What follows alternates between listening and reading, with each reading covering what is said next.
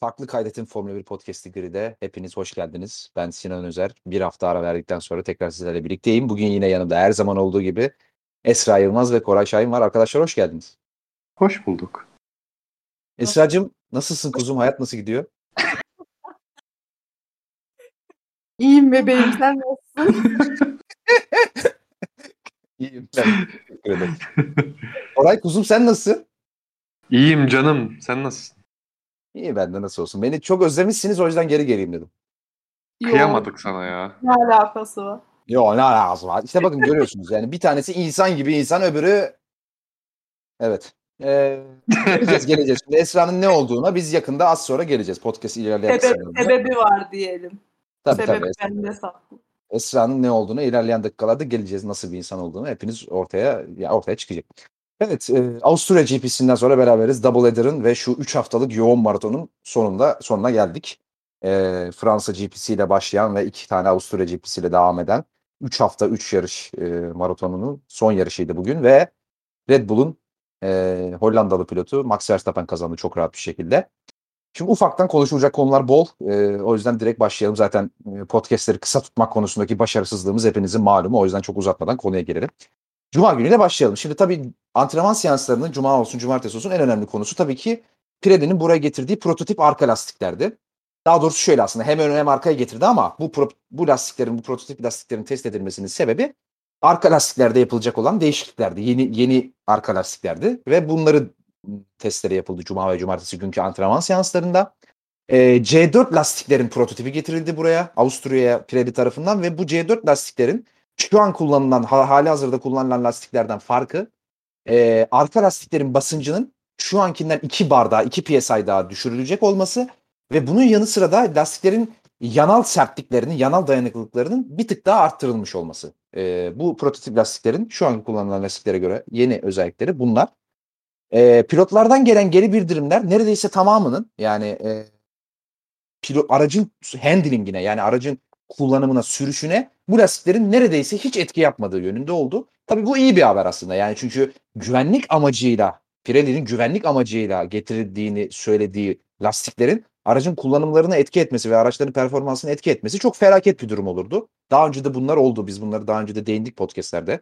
Yani 2013 senesinde mesela Red Bull'un çok kötü başlayan senesinin hani üst üste 8 yarışta bitirilmesi, 8 yarış galibiyetiyle bitirilmesinin en büyük sebebi Pirelli'nin get- getirdiği yeni lastiklerdi. Ee, vesaire vesaire böyle olayları çok gördüğümüz için şimdi yine bir yeni lastik getireceği haberinin ardından acaba yine Red Bull yavaşlar mı, Mercedes hızlanır mı veya başka bir takım yavaşlar mı hızlanır mı gibi dedikodular çıkmıştı.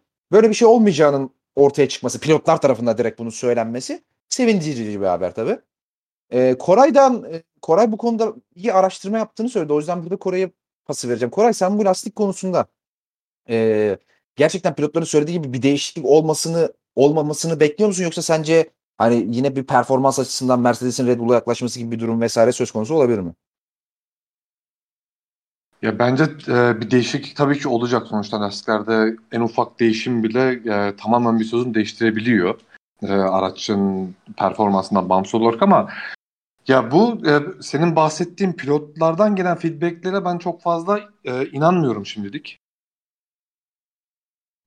E, çünkü e, e, antrenmanlarda test etmekle sıralama turu ve yarışta bu lastiklerden performans almak aslında biraz farklı. Çünkü antrenmanlarda evet takımlar çoğu şeyi test ediyor ama ya tamamen e, araçla ilgili tam performans alma gibi bir durum olmuyor antrenmanlarda. E, onun için e, bu e, pilotlardan gelen demeçler bana şimdilik çok inandırıcı gelmiyor. Bunu görmek lazım. E, çünkü e, bunun bir benzeri 2013'te sen bir önce bahsettin. E, böyle bir şey yaşanmıştı. E, 2013 yılında sezon ortasında te- e, lastikler değiştirildikten sonra e, Mercedes'in hatta o dönem bir e, 1000 kilometrelik bir testi olmuştu Pirelli ve Mercedes arasında yapılan gizli bir anlaşmadan sonra hatta bu çok daha sonraları çıkmıştı. Büyük skandal ya. Ciddi skandal. e, evet bence de öyleydi. E, 1000 kilometrelik bir test çıkmıştı ortaya ve bu e, skandal artık öyle diyeyim e, ortaya çıktıktan sonra Pirelli bu olayı e, şöyle açıklamıştı. Bizim Formula 1 ile yaptığımız anlaşmalar sonucunda e, anlaşmalara göre biz istediğimiz takımla istediğimiz zaman e, özel olarak test yapma hakkına sahibiz çok zorunlu durumlarda diye. Pirelli'nin savunması bu olmuştu. Diğer takımlar da bunu çürütemediği için Mercedes'in o 1000 kilometrelik yaptığı test e, yasal duruma geldi. illegal olmuştu. Onun için daha fazla e, ama o sezon yine lastikler değiştirilip bu sefer e, tamamen Red Bull sen de söyledin biraz önce e, Red Bull sezonu çok iyi başlayamamasına rağmen özellikle sezonun e, bir 5-6 yaşından sonra e, tamamen işler Red Bull'un e, eline geçmeye başlamıştı ve zaten kalan işte 8 ya da 9 yarıştı sen de söyledin. E, bütün yarışları Red Bull kazandı. Ama ondan sonra görüyoruz ki ya bu iş tamamen Mercedes'i yaradı. Çünkü e, 2012 ve 2013'te aslında Mercedes çok iyi yarıştı. Özellikle 2013'ün en hızlı aracı Mercedes'ti. Ama o araç lastik kullanamıyordu. O lastiği kullanamadığı için de Mercedes özellikle 2013 sezonunda onun için şampiyon olamadı. Ama 2014 sezonunda yeni araç, yeni hazırlık vesaire bunu daha iyi analizleyebildiği için sezon içine göre daha farklı değişiklikler getirebildiği için 2014 ve sonrasında bu tamamen Mercedes'in aleyhine olmuştu. Ya bu sezonki değişiklikler de şöyle bence bir etki yaratabilir. Ya şu ana kadar e, Pirelli'nin şu açıklaması olmuştu. Bu prototip lastikler ve işte Britanya veya Belçika işte devamlı bir değişiyor ama şu an ben de tam onu anlayamadım. İşte e, Silverstone'a getirmeyi düşünüyor. İşte daha önceki çıkan haberlerde Belçika'dan sonra getirilecek yazmıştı ama artık ne zaman getirilirse e, bu lastiklerin getirmesi bence e, bir değişikliğe neden olacak. Çünkü e, evet çok fazla büyük bir değişiklikten bahsetmiyoruz ama ya en basiti bu 2019 senesi miydi? 3 yarışa getirilen lastikler. Fransa'da falan gelmişti. O lastikler bile o yarışları tamamen değiştirmişti mesela. Hani ben onun için e, pilotların şimdiki e, geri dönüşlerinin çok güvenilir olduğunu düşünmüyorum. Bunu pist üstünde de görmek lazım ama kağıt üstünde e, bu durumdan Mercedes ve Red Bull üzerine bakarsak e, çünkü şöyle e, Pirelli yaptığı açıklamada bu lastikleri hazırlarken e, bu sene yaptığı 18 inç lastiklerden elle- elde ettikleri verileri kullandıklarını söylemişti Pirelli. E, şu ana kadar yapılan testler işte sezon başlamadan önce 3 günlük bir Ferrari'nin testi olmuştu. E, ondan sonra testlerden sonra bir gün Ferrari e, iki günde Alpine test yapmıştı. E, daha sonra Imola'da yanlış hatırlamıyorsam iki günlük e, Mercedes testi olmuştu. Hmm, Red Bull'un Barcelona'da bir günlük testi vardı. Test yapmış ve daha sonra Fransa'dan sonra Mercedes'in e, ıslak zeminde yine iki günlük bir testi vardı. Hani Mercedes'in e, Red Bull'a oranla şu an burada Ferrari çok e, ön plana çıkacağını ben zannetmiyorum. Çünkü Ferrari zaten hani e, 2021'e bakış açısı bir he- yani 2021 ile ilgili bir hedefi olmadığı için ya bu sezon bunu çok Ferrari katmıyorum ama Mercedes ve Red Bull üzerinde daha fazla test ve daha fazla veriyle birlikte bu lastiklerle ilgili Mercedes'in çok daha fazla veriye sahip olduğunu düşünüyorum ben. Ve onun için e, bu testler ve verilerden kaynaklı Mercedes belki e, lastik değişimiyle beraber Red Bull'la olan farkı biraz kap- kapatabilir araç gelişim, gelişiminden ziyade. Yani burada bence kağıt üstünde Mercedes'in bir avantajı olacak Red Bull'a göre. E, hatta Red Bull'un bir sonraki testi de daha sonra Silverstone'dan sonra olacak yanlış hatırlıyorum hatırlamıyorsam. Ya onun için en azından bir iki yarış için e, kağıt üzerinde Mercedes e, e, bu lastik değişiminden bence biraz daha e,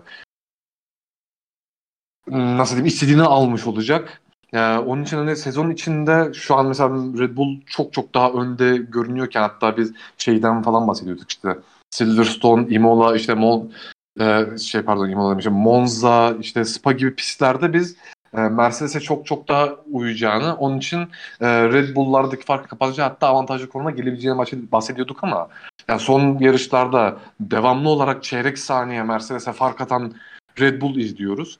Hani bu çeyrek saniye fark ne kadar pistten piste değişiyor olsa da hani e, Avusturya'dan işte böyle daha fazla geleneksel pistlere geçiş bile olsa e, tamamen kapanacak bir fark değil.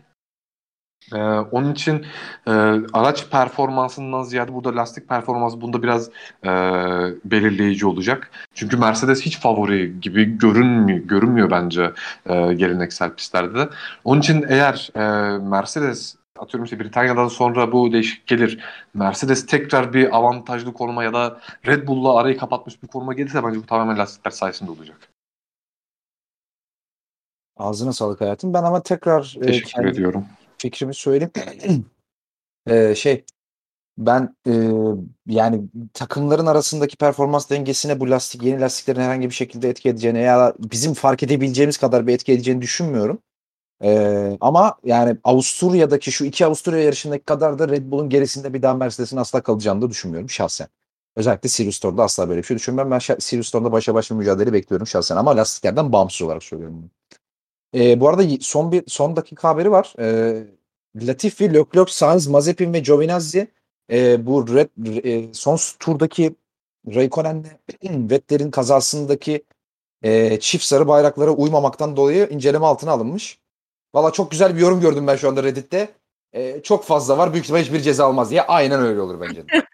Ben bekliyordum ya. Çok hızlı geçtiler orayı. Çift sarı bayrak uyarısı yapıldı ama hiçbiri de yavaşlamamıştı. Ben bekliyordum ama görmemiştim. iyi oldu. Ve Michael Masi denen arkadaş ikiden fazla kişi olunca ceza vermiyor. O yüzden ceza çıkmaz. Sıkıntı yok. Aynen bence.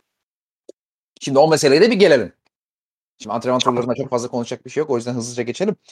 Ee, şimdi sıralama turlarında şöyle bir e, sıralama turlarından önce daha doğrusu hatta antrenman turlarından bile önce direkt bu hafta sonuna girilirken FIA bir teknik direktif yayınladı yarış özelinde Avusturya GP'si özelinde ve dedi ki şimdi 9. viraj yani pit girişinin olduğu virajla 10. viraj yani son viraj o son iki sağ virajdan bahsediyorum kısaca numaralarla çok kafamızı karıştırmayalım.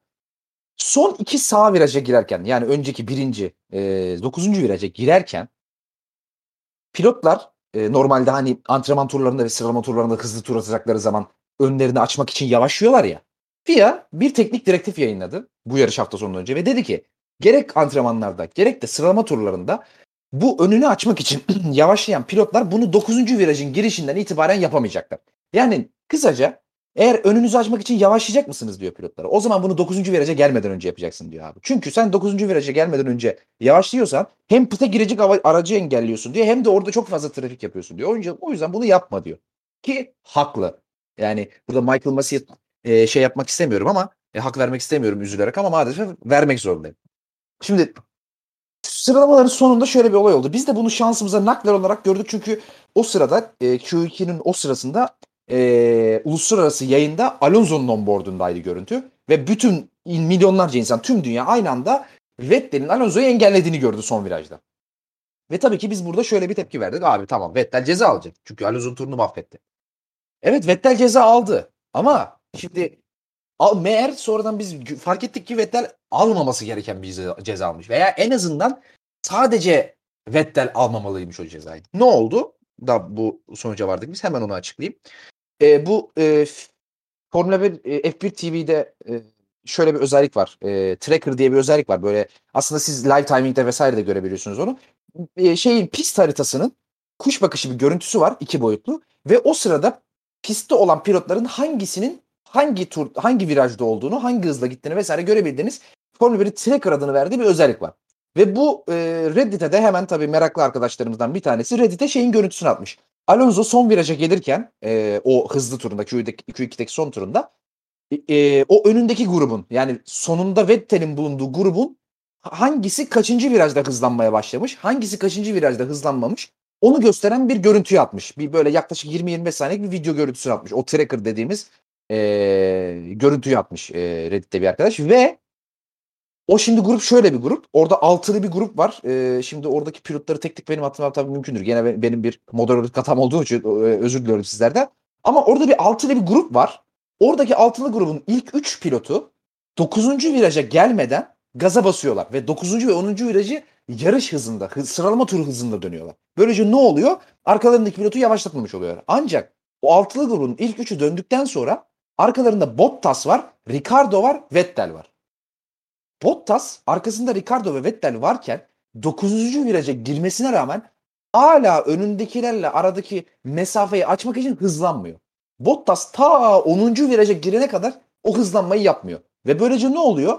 Hem Ricardo'yu hem de Vettel'i yakalamış oluyor. Yani Bottas'ın arkasındaki hem Ricardo hem de Vettel de yavaş kalmış oluyor. Ve bu ikiliyi de e, Alonso yakalamış oluyor turun sonunda. Ama tabii orada kabak kimin başına başına patlıyor? Vettel'in başına. Çünkü Ricardo ile Bottas Vettel'in önünde olduğu için. Şimdi Vettel de burada haklı olarak diyor ki abi centilmenlik anlaşmasını bozdular. Hem birbirlerinin önüne geçtiler pilotlar. Yani bu sıralama biz pitten çıktığımız zaman böyle değildi. Millet benim önüme geçti. Aynı zamanda bir de 9. viraja girerken de hızlanmadılar. Bottas 9. virajdan sonra da yavaş gitmeye devam etti diyor. Şimdi Vettel %100 haklı. Yani %100 haklı. Tabii biz bu incelemeler yapıldıktan sonra sınırlı turlarından sonra doğal olarak şöyle bir şey bekliyorduk. Abi orada bir ceza çıkacaksa hem Bottas'a hem Ricardo'ya hem Vettel'e çıkmalı. Hatta benim kendi kişisel şahsi fikrim bence adalet olsa ne Vettel'e ne Ricardo'ya çıkmalı direkt Bottas'a çıkmalı. Çünkü orada Bottas yavaş gidiyorken Ricardo ile Vettel'in yapabileceği hiçbir şey yok. Yani orada yavaş giden grubu yavaşlatan Bottas. Ben o yüzden Bottas'a %100 ceza çıkmalı. Ama Vettel'e de ceza çıkmaması çok söz konusu değil. Çünkü yani engelleyen o diye düşünüyordum. Ama abi biz karar bir açıklandı. Bu arada hepsi de inceleme altına alındı. Onu da söyleyeyim. Yani Ricardo'su, Bottas'ı, Vettel'i hepsi bu az önce söylediğim direktiften dolayı yani 9. ve 10. virajdaki direktiften dolayı inceleme altına da alındı. Ama abi öyle bir sonuç çıktı ki Vettel'e engellemeden dolayı ceza geldi. Bu 9. ve 10. virajdaki direktife uymamaktan dolayı hiçbir pilota ceza gelmedi. Michael Massey'e mikrofon uzatmışlar. Niye ceza çıkmadı diye bunlardan dolayı. O kadar çok pilot 9. ve 10. virajdaki direktife uymadı ki hangi birine ceza vereceğiz? O yüzden hiçbirine ceza vermedik dedi Michael Massey. Yani bu skandal. Abi hepsine ceza ver ya. Ne demek yani? Çok fazla pilot uymamış o yüzden ceza vermedik. Ya hepsine ver. Abi FIA bir teknik direktif uyguluyor. Diyor ki 9. viraja gelirken yavaş kalamazsın. 9. virajda gaza basmak zorundasın diyor. Abi Bottas basmıyor gaza.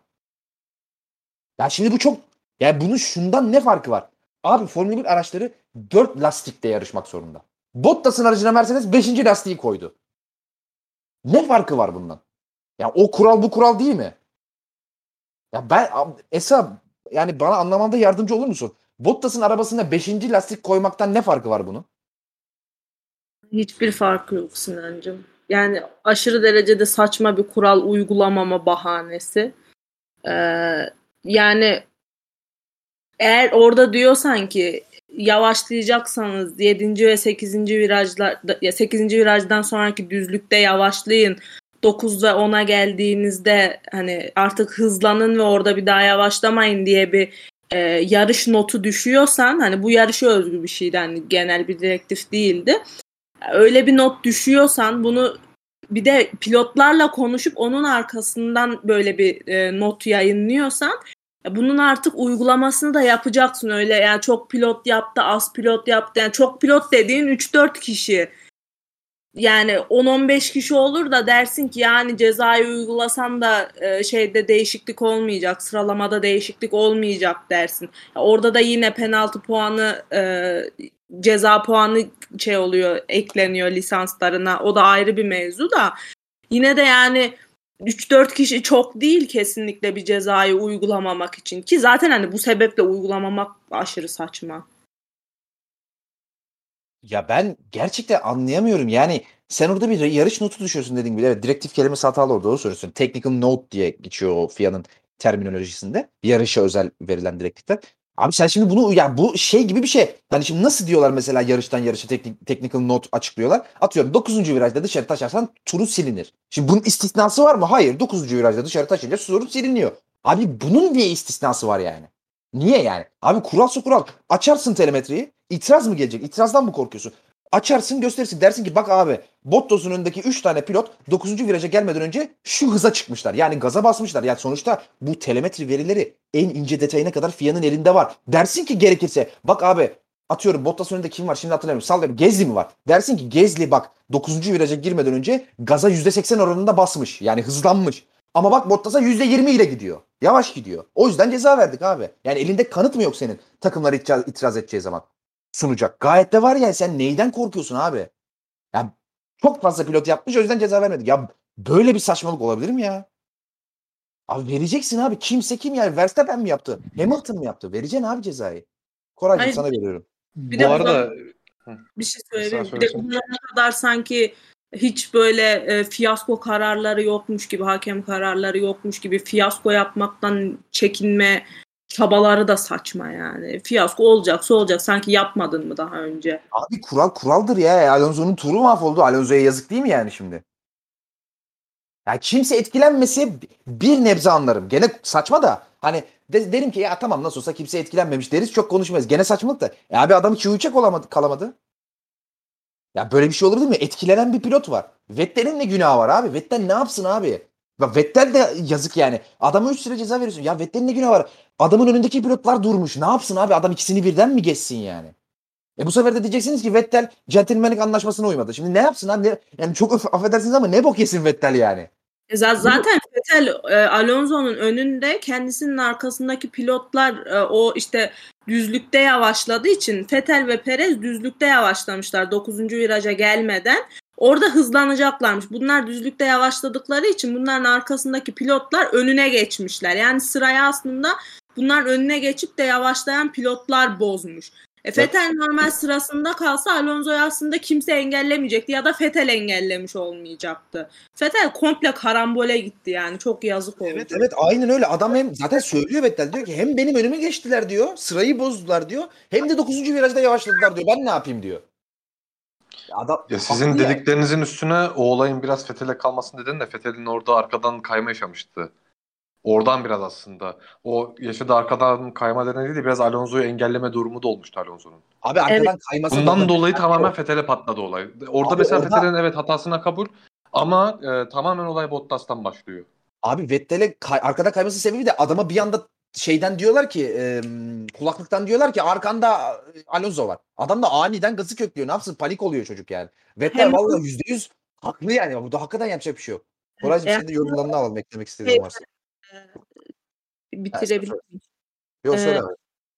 Fetel işte önüne geçenler yüzünden, önüne geçip yavaşlayan e, mahlukatlar yüzünden e, tura aslında alsın başlayamıyordu. Son viraja girir, girerken Fetel'e uyar şey verdiler. Pit duvarından uyarı geldi. Hani acele et, kaçıracaksın diye. Fetel son virajda birden gaza yüklenince aslında e, arkadan kayma yaşadı. Diyor ki e, işte o tam dönerken 10. virajı tam dönerken Alonso'yu gördüm, kaçmaya çalıştım. Hatta e, ona yol vermeye çalışırken ben son turumu atamadım. Hani onu kaçırdım. Çok pis patladı Fetel'e ya. Yok buna bir ceza buna bir kural kural getirilmeli getirilmesi gerekiyor artık. Ya çünkü biz daha önce de defalarca bu sezonda konuştuk. Sürekli böyle olaylar oluyor. Yani en kötü iki yarışta bir bu işte e, şey turunda pitten çıkış turunda birbirini geçme, sırayı korumama falan filan olayları sürekli oluyor. Fazla yavaşlama falan filan. Artık buna bir kural getirilmesi gerekiyor. Yani bu bu o sınırı aştı artık abi. Bir kural getireceksin. Gerekirse diyeceksin ki abi pilotlar arasında şu kadar mesafe bırakmak zorunda so şey turlarında e, fast, Flying Lap'ten önceki pistten çıkış turlarında ve birbirine geçemez. Bu kadar. Kural koy geç abi yani de ki pitten çıkış sırası neyse sırası o. Bir de hız kuralı koy de ki atıyorum yüzde bilmem kaçından yavaş gidemez pilot öndeki pilotlar. Hani arkadakilerin turu engellenmesi diye. Bu kadar basit abi. Bunda çok zor bir şey yok. Çünkü artık yani pilot sü- sürekli birbirini geçme mi dersin, e, engelleme mi. Abi bunun önüne geçilmiyor yani. Aa bak hem Vettel'e yazık oldu hem Alonso'ya yazık oldu yani. İkisinin de yarışı mahvoldu. Bir tanesi zar zor bir puan oldu, öbürü puan alamadı yani. Hani hiçbir pro- suçları olmayan olayda Vettel'le Alon- Alonso'ya patladı olay yani. Abi nedir ya? Abi versene Bottas'a ceza abi. Basmıyor işte gaza ya. Bu kadar zor bir şey değil ki. Kendi açıkladığın teknik notu uymamak ne saçmalıktır ya. O zaman niye açıklıyorsun abi? Koraycığım eklemek istediğin bir şey var mı? Ee, benim de tek ek- eklemek istediğim şey şu. Abi madem bu kadar işe yaramıyor. Kuralda gelmeyecekse şu gentleman's agreement'ı kal- kaldırsınlar. Kaldır abi. Aynen öyle. Hayır pilot, pilotlar arasında Hiçbir- desin ki. Abi Hamilton Hamilton kim o abi bunların abileri dinlediği? Kim? Vettel mi? Alonso mu? Kimi dinliyorlar? Abi çıksınlar desinler ki o te- e, pilot toplantılarında. Baba sikerim yapacağınız işi siz bu direkt şeye uymuyorsunuz abi aramızdaki anlaşmaya. Bundan sonra anlaşma anlaşma yok. Gaza basan gitsin abi. Bu kadar basit yani. Abi zaten uyumuyor ki yani. Bu nasıl gentle? O zaman bunların hiçbiri gentleman değil benim anladığım kadarıyla yani. Abi bu hatırlıyor musun? Bu senenin ilk olayı ilk yarışta Mazepin'e patlamıştı. Ne Uyumuyor. oldu? Abi ben tweet attım ya bir iki yarış önce. Mazepin Evet. Mazepin açıklama yapmış işte bu olaylarda olunca bu yarışta işte ben benim daha ilk yarışımdı Formula 1'de ve daha önce hiçbir Formula 1 e, sıralama turu formatında bir formata dahil olmamıştım. Ve hiç kimse de hani şeyde sürücüler toplantısında böyle bir şeyden bahsetmemişti.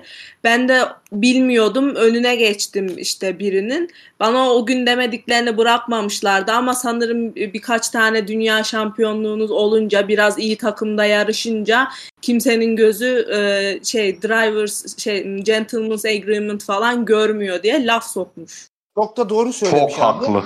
Çok da doğru söylemiş. Ben Fransa'da onun tweetini attım. Hamilton 5 kişiyi birden geçti abi. Niye kimse bir şey demedi? Ay niye kimse bir şey demedi abi?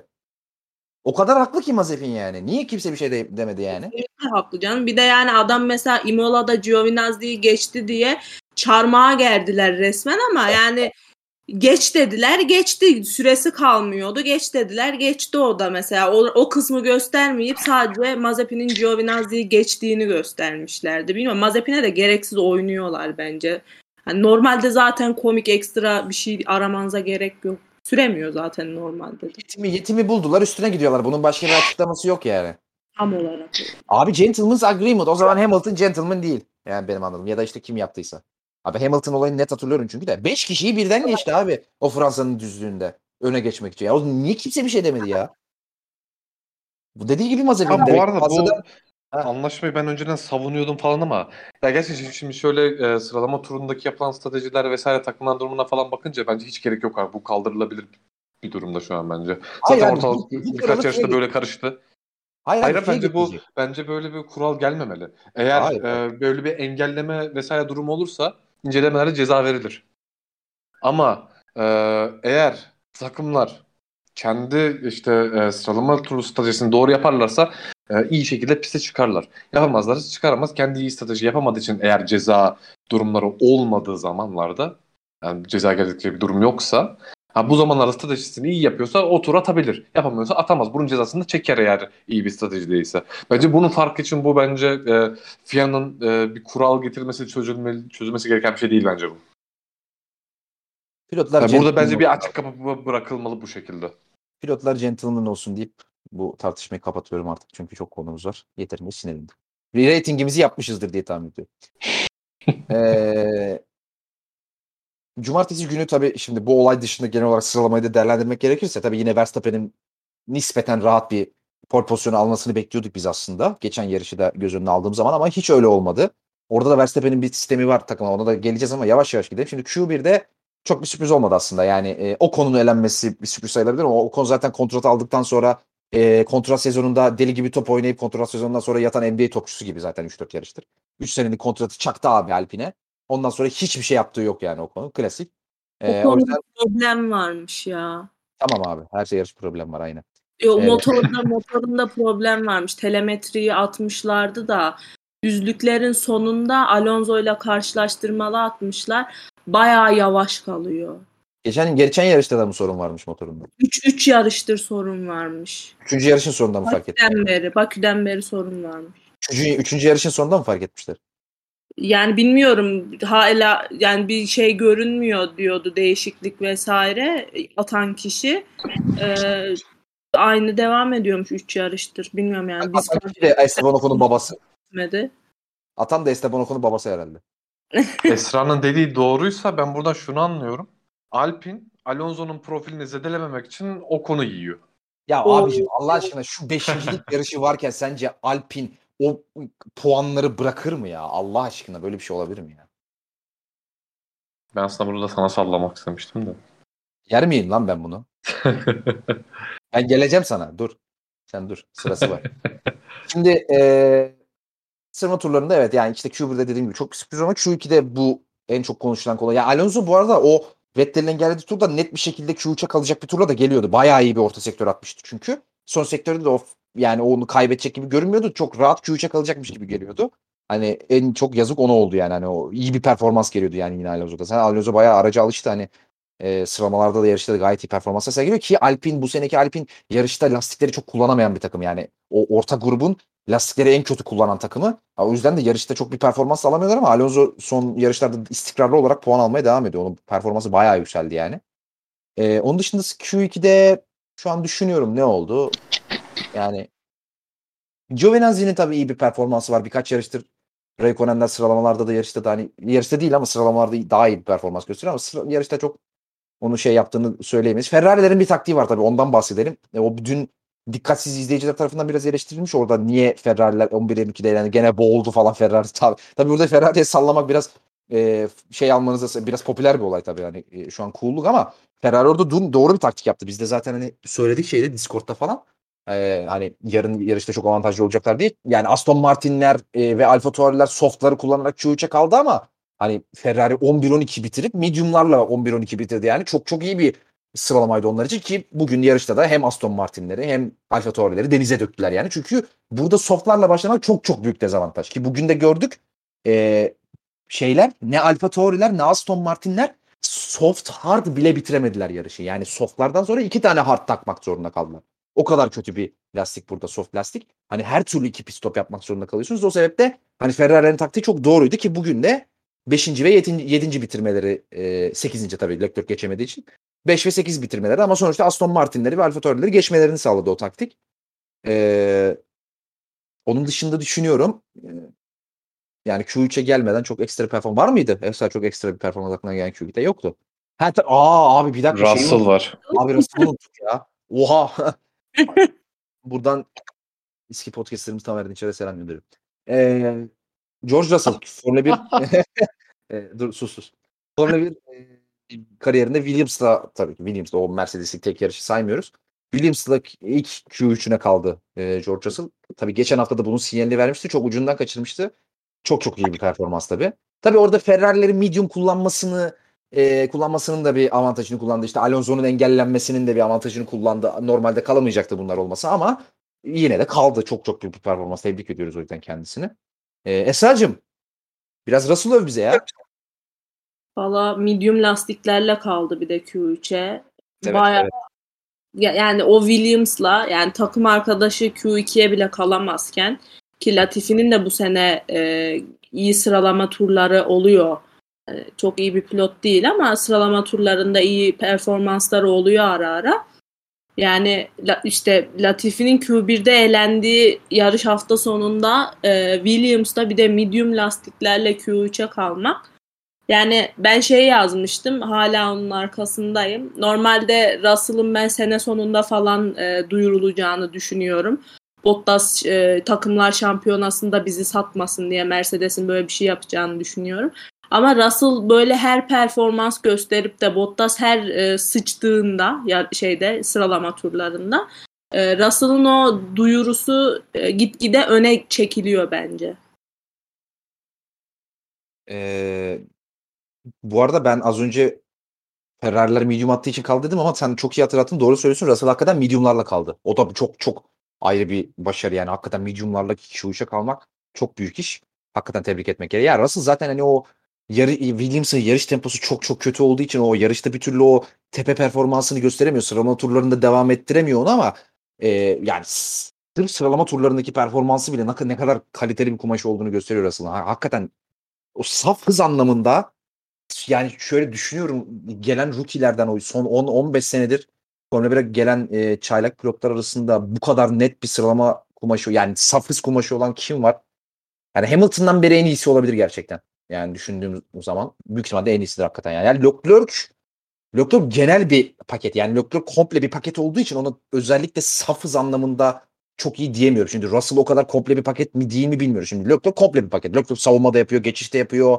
E, savunma turlarına çıkıp pole de alıyor alması gerektiği zaman ki almaması gerektiği zaman da alıyor. Gidip yarışta kazanıyor vesaire falan ama yani o yüzden Leclerc'ü saymadım. Leclerc komple bir paket bir pilot olarak. Ama Russell'ın özellikle saf hız anlamında çok çok ciddi bir kumaşı var. Onu o, o açıdan onu söylüyorum yani son 10-15 senede gelen en iyi e, saf hız pilotlarından bir tanesi.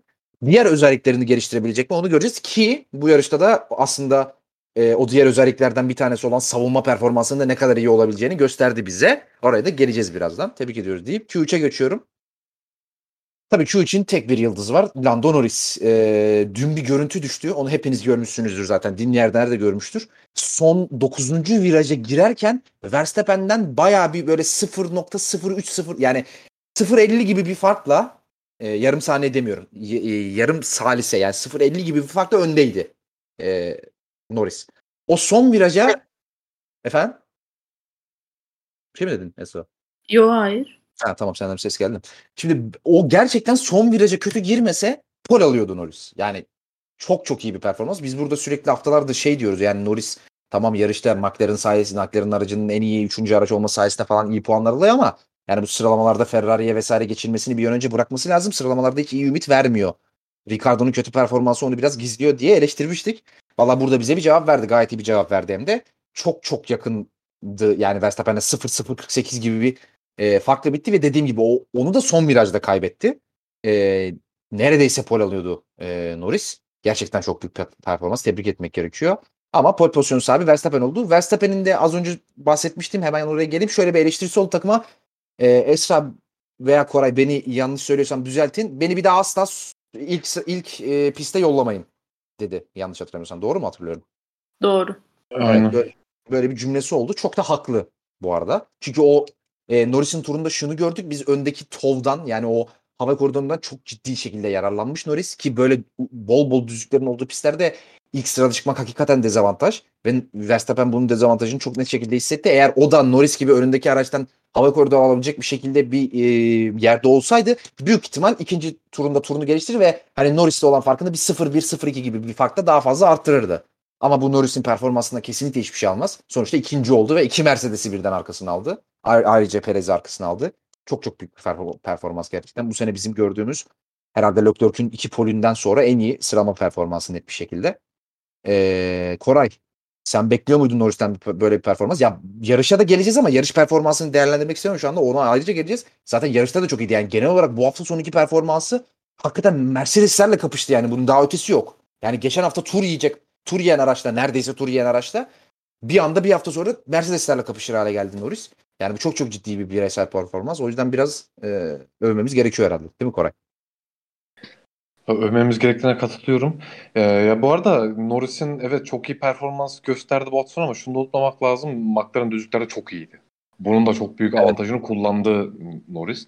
Ee, Evet. evet, e, bununla beraber aracın da üstüne çıktı. Ya biz hep e, sen de söyledin genel olarak biz Norris'in tek tur performansını ya da aracın üstüne çıkabilecek performansları görmüyorduk diyorduk Norris'ten. Yani Norris bunlar vermiyor. Araç neyse Norris e, düzenli bir şekilde, işte istikrarlı bir şekilde bunu başarabiliyor diyorduk ama bu hafta sonu böyle olmadı. Ya bu hafta sonu işte e, düzlüklerdeki e, McLaren'ın avantajıyla beraber de hani biraz e, aracın üstüne çıkma durumu da oldu. Hani bir hep işte Leclerc'ten bahsederken işte Alonso var performans olarak söylüyoruz. Bunu bu hafta sonu Norris'ten de gördük. Yani e, şeyden bahsettin, e, hava koridoru etkisinden de bahsettin ama mesela şimdi e, aynı hava koridoru etkisi arkadan gelen Mercedes'lerde de var ve buna rağmen Mercedes'leri mağlup et- etti sıralama turlarında. Hani asıl e, aracın üstüne çıktığı bir performans gösteren buradan anlıyoruz bence. E, ama işte yani Norris'in de şöyle bir sıkıntısı var. Norris mesela geçen sene de Avusturya'da çok iyi performanslar performans göstermişti. Yani Norris'in şöyle bir sorunu e, var mı yok mu şu an emin değilim ama Norris'te şu var. Yani Norris'in belli başlı bir pistleri var. İşte Avusturya bunlardan bir tanesi. E, bir de Imola'ydı yanlış hatırlamıyorsam diğeri. E, bu buralarda çok iyi performans gösteriyor. Biraz üstüne çıkabiliyor aracın ama bu genel olarak e, Norris performansı değil. Bence Norris'le ilgili hala bu soru işareti. Bu, bu hafta sonu ne kadar iyi olmuş olsa da yani mesela Avusturya'da bu kadar iyi performans gösterirken işte gelecek hafta bir sonraki bir sonraki işte İngiltere'de İngiltere'de bu tarz performans gösterebilecek pilot diyemiyorum ben hala Nor- Norris için. İşte sadece bir iki pist değil de hani biraz daha bunu artık genel olarak Norris'ten görmemiz lazım. Norris'in e, bir bakımdan da eksiği bu bence. Şimdi Esra sana pası şöyle atacağım. Ben de bu konuda e, Koray'a yakın düşünüyorum aslında. Hala benim Norris konusunda şüphelerim var. E, ne kadar iyi bir pilot olduğu yani he- yani şüphem olmayan tek konu şunu kısaca söyleyeyim. E, şu haf şu yarıştaki pilot kadar iyi bir pilot değil Norris bence kesinlikle. O konuda Koray'a net bir şekilde katılıyorum. Bu tamamen bir outlier bence. E, yani bunu söylemekte de Norris'i sallamış olduğumu vesaire düşünmüyorum kesinlikle. Çok yani çünkü elimde buna inanabilmek için çok fazla veri var. Bir kere Norris'in komple kariyeri var. Yani Norris hiçbir zaman bu kadar iyi bir performans göstermedi. Bu kadar iyi performans gösterdiği tek örnek geçen seneki Avusturya yarışı. O yüzden e, Koray'ın bu dediğine katılmakta ben e, çok bir beis görmüyorum. Bu, bunun Norris'e haksızlık olduğunu da düşünmüyorum. Norris bence de pist seçen bir pilot. Onu çok net bir şekilde söyleyeyim. Ya her bu arada şunu söyleyeyim. Her pilotun iyi sürdüğü pistler olur. Yani bir bir pilotun ortalama performansı 10.8 ise 10.9 aldığı, 10.9.5 aldığı çok pist e, pist olur. Çoğu pilotun olur yani. Pilotların tamamının neredeyse vardır böyle pistleri. Ama Norris 10.6'dan 10.9'a fırlıyor bir anda Avusturya olunca. Veya atıyorum X başka iyi bir sürdüğü pist olduğu için. Bu biraz Norris'in genel performans konusunda insanların kafasında soru işareti. En azından benim kafamda soru işareti yaratıyor. Yani çünkü şu Avusturya'da bir anda Mercedes'lerle başa baş yarışacak pilot değil yani Norris. Anladın mı? Yani çünkü bu zaman e, geçen hafta tur yedi işte abi neredeyse. Hatta belki yemiştir hatırlamıyorum. Yani ya da çok yakındı. E şimdi bir hafta bir, bir anda bir hafta sonra aynı pistte başa baş kapışır hale geldi. Yani şimdi bu Norris'in bir haftada böyle tarihin en iyi pilotu olmasından vesaire kaynaklanmıyor. Bir tabii ki her e, bir ayar tutturmuş olabilir. Çok iyi bir ayar tutturmuş olabilir. İşte Ma- McLaren buraya Mercedes'in ekstra birkaç tane motor konusunda güncelleme gönderdiğini söyledi onlara. onların bir etkisi olabilir vesaire falan. İşte çok iyi hissediyor olabilir kendini bu yarışta falan bu hafta sonunda genel olarak falan. Ama kesinlikle ben Norris'in hala bu hafta sonundaki kadar iyi pilot olduğunu ben de düşünmüyorum o konuda. Ya en azından şüphelerim var. Onu ben net bir şekilde söyleyeyim. Bence hala o Leclerc, Verstappen, e, Russell'ı buraya eklemeyeceğim çünkü Berkay'dan küfür yemek istemiyorum. Yani o tepe ikili şeyinde değil bence hala Norris. O konu, onu çok net söyleyeyim. Özellikle sıralama turlarında zaten bunu çok net gösteriyor yani abi. Abi Leclerc denize döktü yani bu, sıralama, bu, bu sene sıralamalarda şu yarışa kadar Norris'i. Yani ki yani Ferrari aracının McLaren'dan daha iyi olduğunu kimse savunmuyordur herhalde burada. Ama tekrar söyleyeyim bu hafta sonunki performansından hiçbir şekilde bunlar hiçbir şey eksiltmez Norris'in. Sadece biz genel olarak Norris'ten hala şüphelerimiz olduğunu anlatıyoruz. Esra'cığım sen bu konuda ne söylemek istersin? Tabii sen Leclerc e, fan olduğu için biraz senden bu konuda objektif bir yorum rica ediyorum lütfen. Ya size katılıyorum. Yani çünkü aslında söylenebilecek her şeyi söylediniz. Ee, Lando Norris'in ben de top seviye bir pilot olamayacağını düşünüyorum hiçbir zaman. Ee, ama, Eyvah eyvah eyvah eyvah. ama ya şimdi aslında sizin söylediklerinizden çok da farklı bir şey söylemiyorum da. Ee, yani bu bu performansı Norris'in bu hafta sonki performansı sürekli gösterebileceği ya da göstereceği bir performans değil. Norris atıyorum 10 üzeri 10 üzerinden 7 verebileceğim böyle genel performansla 10 üzerinden 7 verebileceğim bir pilot. Ama e, atıyorum bunu mesela 10 üzeri 9'a çıkarır ilerleyen zamanlarda diyemeyeceğim bir pilot. Ben çok ufak şu, şunu da ekleyip kapatacağım. Bu konuda biraz fazla konuştuk farkındayım kusura bakmayın ama çok ufak şunu söyleyeceğim. Bir karşılaştırma yapmak için söylüyorum. Yani Norris'le ilgili fikirlerimi daha iyi anlasınlar diye dinleyenler. Ee, hani biz Gezli ile ilgili şunu söyledik ya bir iki önceki podcast'te Fransa'da. Ee, pardon Bakü'de konuşmuştuk onu. Yani Gezli çok çok yetenekli bir pilot ama kafa olarak orada değil diye. Norris konusunda ben Gezzi ile eşleştirme yapıp ne kadar ne düşündüğümü anlat, anlatacağım kısaca. Abi Gezzi'nde mental olarak ne kadar ne eksiklik varsa aynı eksiklik bence e, Norris'te var ama pilotaj anlamında. Yani kısaca şunu söylemek istiyorum. Gezli pilotaj olarak Norris'ten daha iyi bir pilot bence. Bence daha yetenekli. E, bu konuda yani kesinlikle kimseyle tartışma. Çünkü benim yıllardır bir ya bir göz testim vardır. Hani göz kararı derler ya yemek yaparken. Benim de bir göz kararı bir testim vardır pilotlara yaptım ve benim o göz kararı testimde Gezli pilotaj anlamında Norris'ten daha yetenekli bir pilot bence. Ama o, o mental yapı olarak da Norris Gezli'den daha önde olduğu için kariyer anlamında Norris'in daha görkemli bir kariyer ol- olabilir Gezli'den ama e, pilotları koyduğum yer açısından söylüyorum. Bence Gezli Norris'ten daha yetenekli bir pilot. Koray da bana katılıyor herhalde bu konuda bilmiyorum ama. Ben şuna takıldım. Norris eleştirmek için hem Gezli'ye yerdin hem Gezli'yi övdün. Hayır abi Gezli'yi övmedi. Zaten Gezli'nin ne kadar yetenekli pilot olduğunu Bakü'de konuşmuştuk biz. Mental anlamda yeterli değil demiştik. Tekrar söylüyorum. Mental anlamda Norris çok önde Gezli'den. Hatta belki Leclerc'ten bile önde. Yani o mental seviye konusunda Norris gerçekten kendini çok geliştirdi Formula 1'e girdiğinden beri. İlk girdiğinde biraz böyle hassastı, çıt kırıldımdı. Bir olaya karıştığı zaman böyle düşebiliyordu falan yarış performansı. Şimdi hakikaten o öyle değil. Ama Gezli'de mesela o hiç yok. Yani hala mental olarak çok düşük bir pilot. Ama tekrar söylüyorum pilotaj olarak koyduğum yerde Leclerc, Gezli ve Verstappen Norris'ten bir tık önde en az. En az bir tık önde benim için. Pilotaj anlamında söylüyorum tamamen. Onu söylemeye çalışıyorum. Ya bana Norris mesela fazla garantici geliyor. Bir mesela sıralama turunda da of şurayı ne biçim dönmüş be neredeyse kaybediyormuş aracı. Hani ona rağmen burayı böyle dönmeyi göze almış diyebileceğim bir anını hatırlamıyorum mesela ben. Fazla garantici geliyor. Sen bana. onu garanticiliğine yoruyorsun. Ben onu e, o, kad- o kadar var diye yoruyorum. Bence Norris'te o kadar var çünkü. Ya ben onu söylemeye çalışıyorum. Yani um- belki beni yanıltır. Yani ileride öyle bir atıyorum sallıyorum. Verstappen'in yanına gider ve Verstappen'i mağlup eder. Leclerc'in yanına gider ve Leclerc'i mağlup eder. İşte Gezli'nin yanına gider Gezli'yi mağlup eder ama ben tekrar söylüyorum tamamen pilotaj anlamında konuşuyorum. Ee, Gezli'den Verstappen'den ve Leclerc'ten daha iyi pilot olduğunu düşünmüyorum Norris. Ya bir de e, Norris'in performansında şu da var. Ya evet e, McLaren ve Ricardo'dan aslında biraz karşılaşmak lazım. Ricardo'nun performansı çok kötü ama ya şunu unutulmasın McLaren şu an gridin en iyi 3. aracı. Aynen öyle. Hele bu son Avusturya ve ya şu iki Aynen. Avusturya aracında motor da e, devreye girince çok çok daha rahat bir şekilde üçüncü aracı olduğu gridin yani. Hem öyle hem de Ricardo'nun çok kötü performansı ki Ricardo bu sene hiç e, kıstas alınacak bir pilot değil. Aynen, aynen öyle. Ya buna rağmen Ricardo'nun durumundan dolayı da Norris aslında çok çok daha iyiymiş gibi görünüyor. Ha, iyi, evet çok iyi performanslar gösteriyor ama E, Ricardo'nun durumu buna çok büyük artı kazandırıyor. Aynen, aynen öyle. Ay, abi Ricardo'nun bugünkü yarışta şeyi gördünüz değil mi? Leclerc savunurken abi Ricardo herkesten 20 metre erken fren yapıyor ya. Yani Aynen. abi Ricardo şu anda hiç e, şey alınacak, temel alınacak bir kıstas değil yani Norris'in performansını değerlendirirken.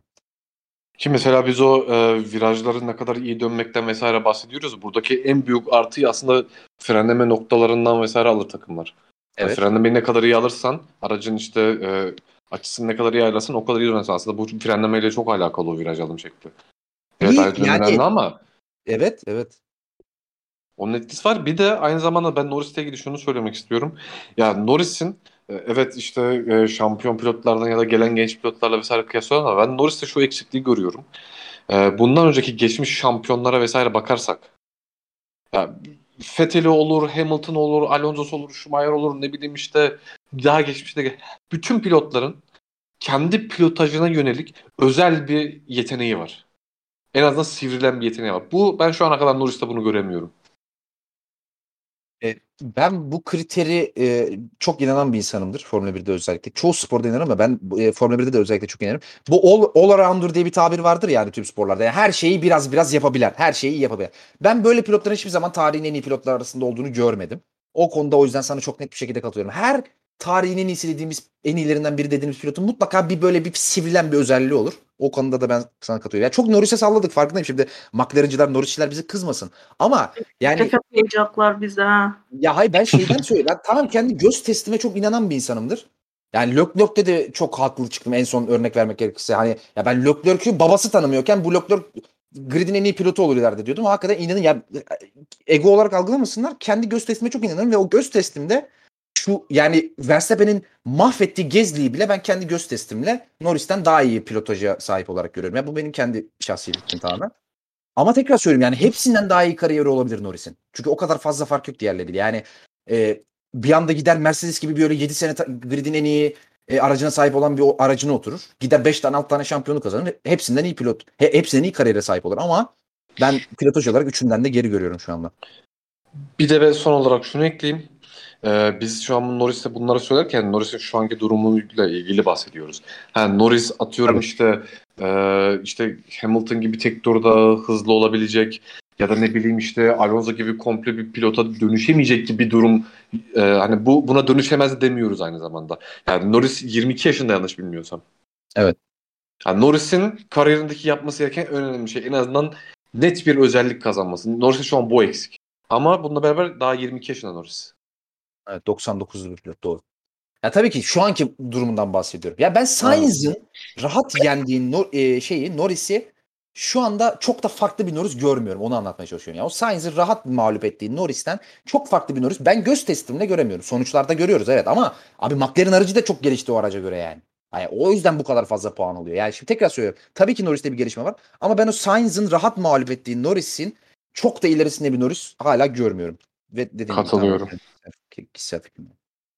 Norris'ten daha kötü pilot anlamında söylemiyorum yani lütfen. Onu yanlış anlamasın. Şeyden, Sainz'den pardon. Deyip artık geçelim yani Norris meselesine. Ee, onun dışında tabii Mercedeslerin yani Norris'in arkasında kalmasını kimse beklemiyordu ama hani Mercedesler geçen haftaki Avusturya yarışından bile kötü bir performans sergiledi sıralama turlarında. Bottas yine Hamilton'a çok yakındı ama yani Hamilton yine yani öyle meh bir tur attı ve Norris'e de geçildi yani.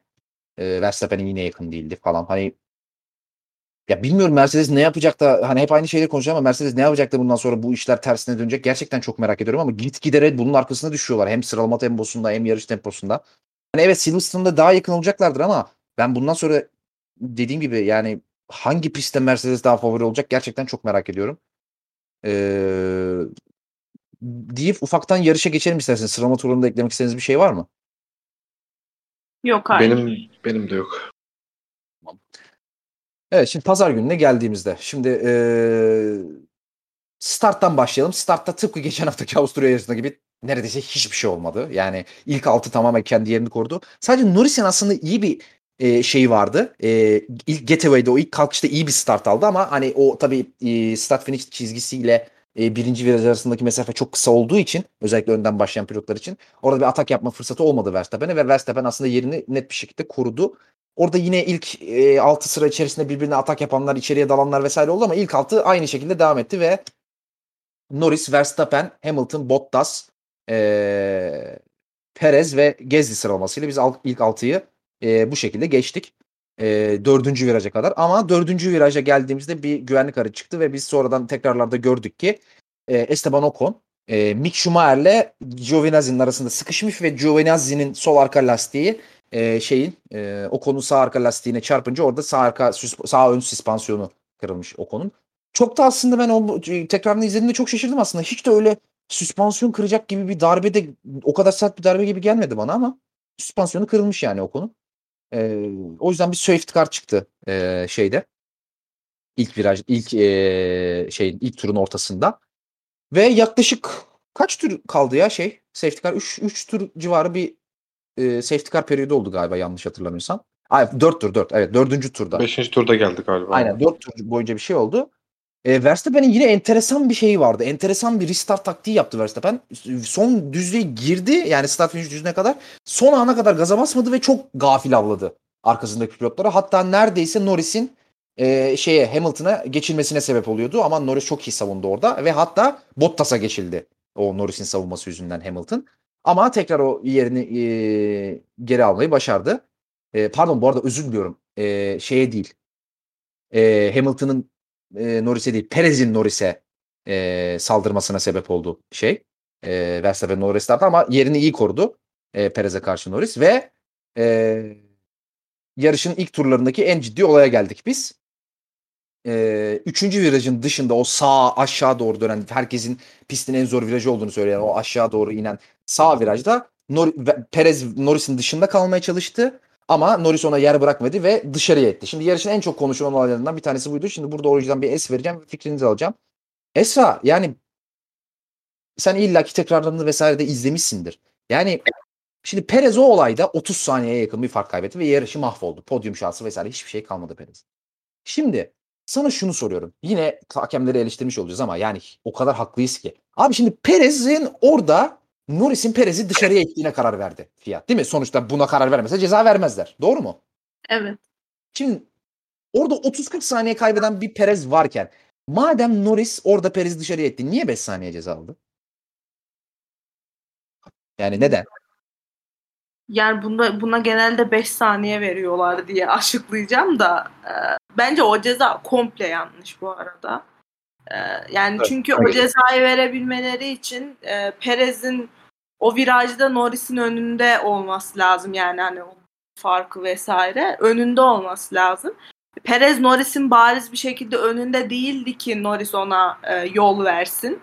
E, kendi kendine çıktı geldi kenardan sonra da çakıla kaptırdı yani aracın arkasını. Yani Perez'e ben bugün aşırı kızgınım. Birazdan daha da yükseleceğim.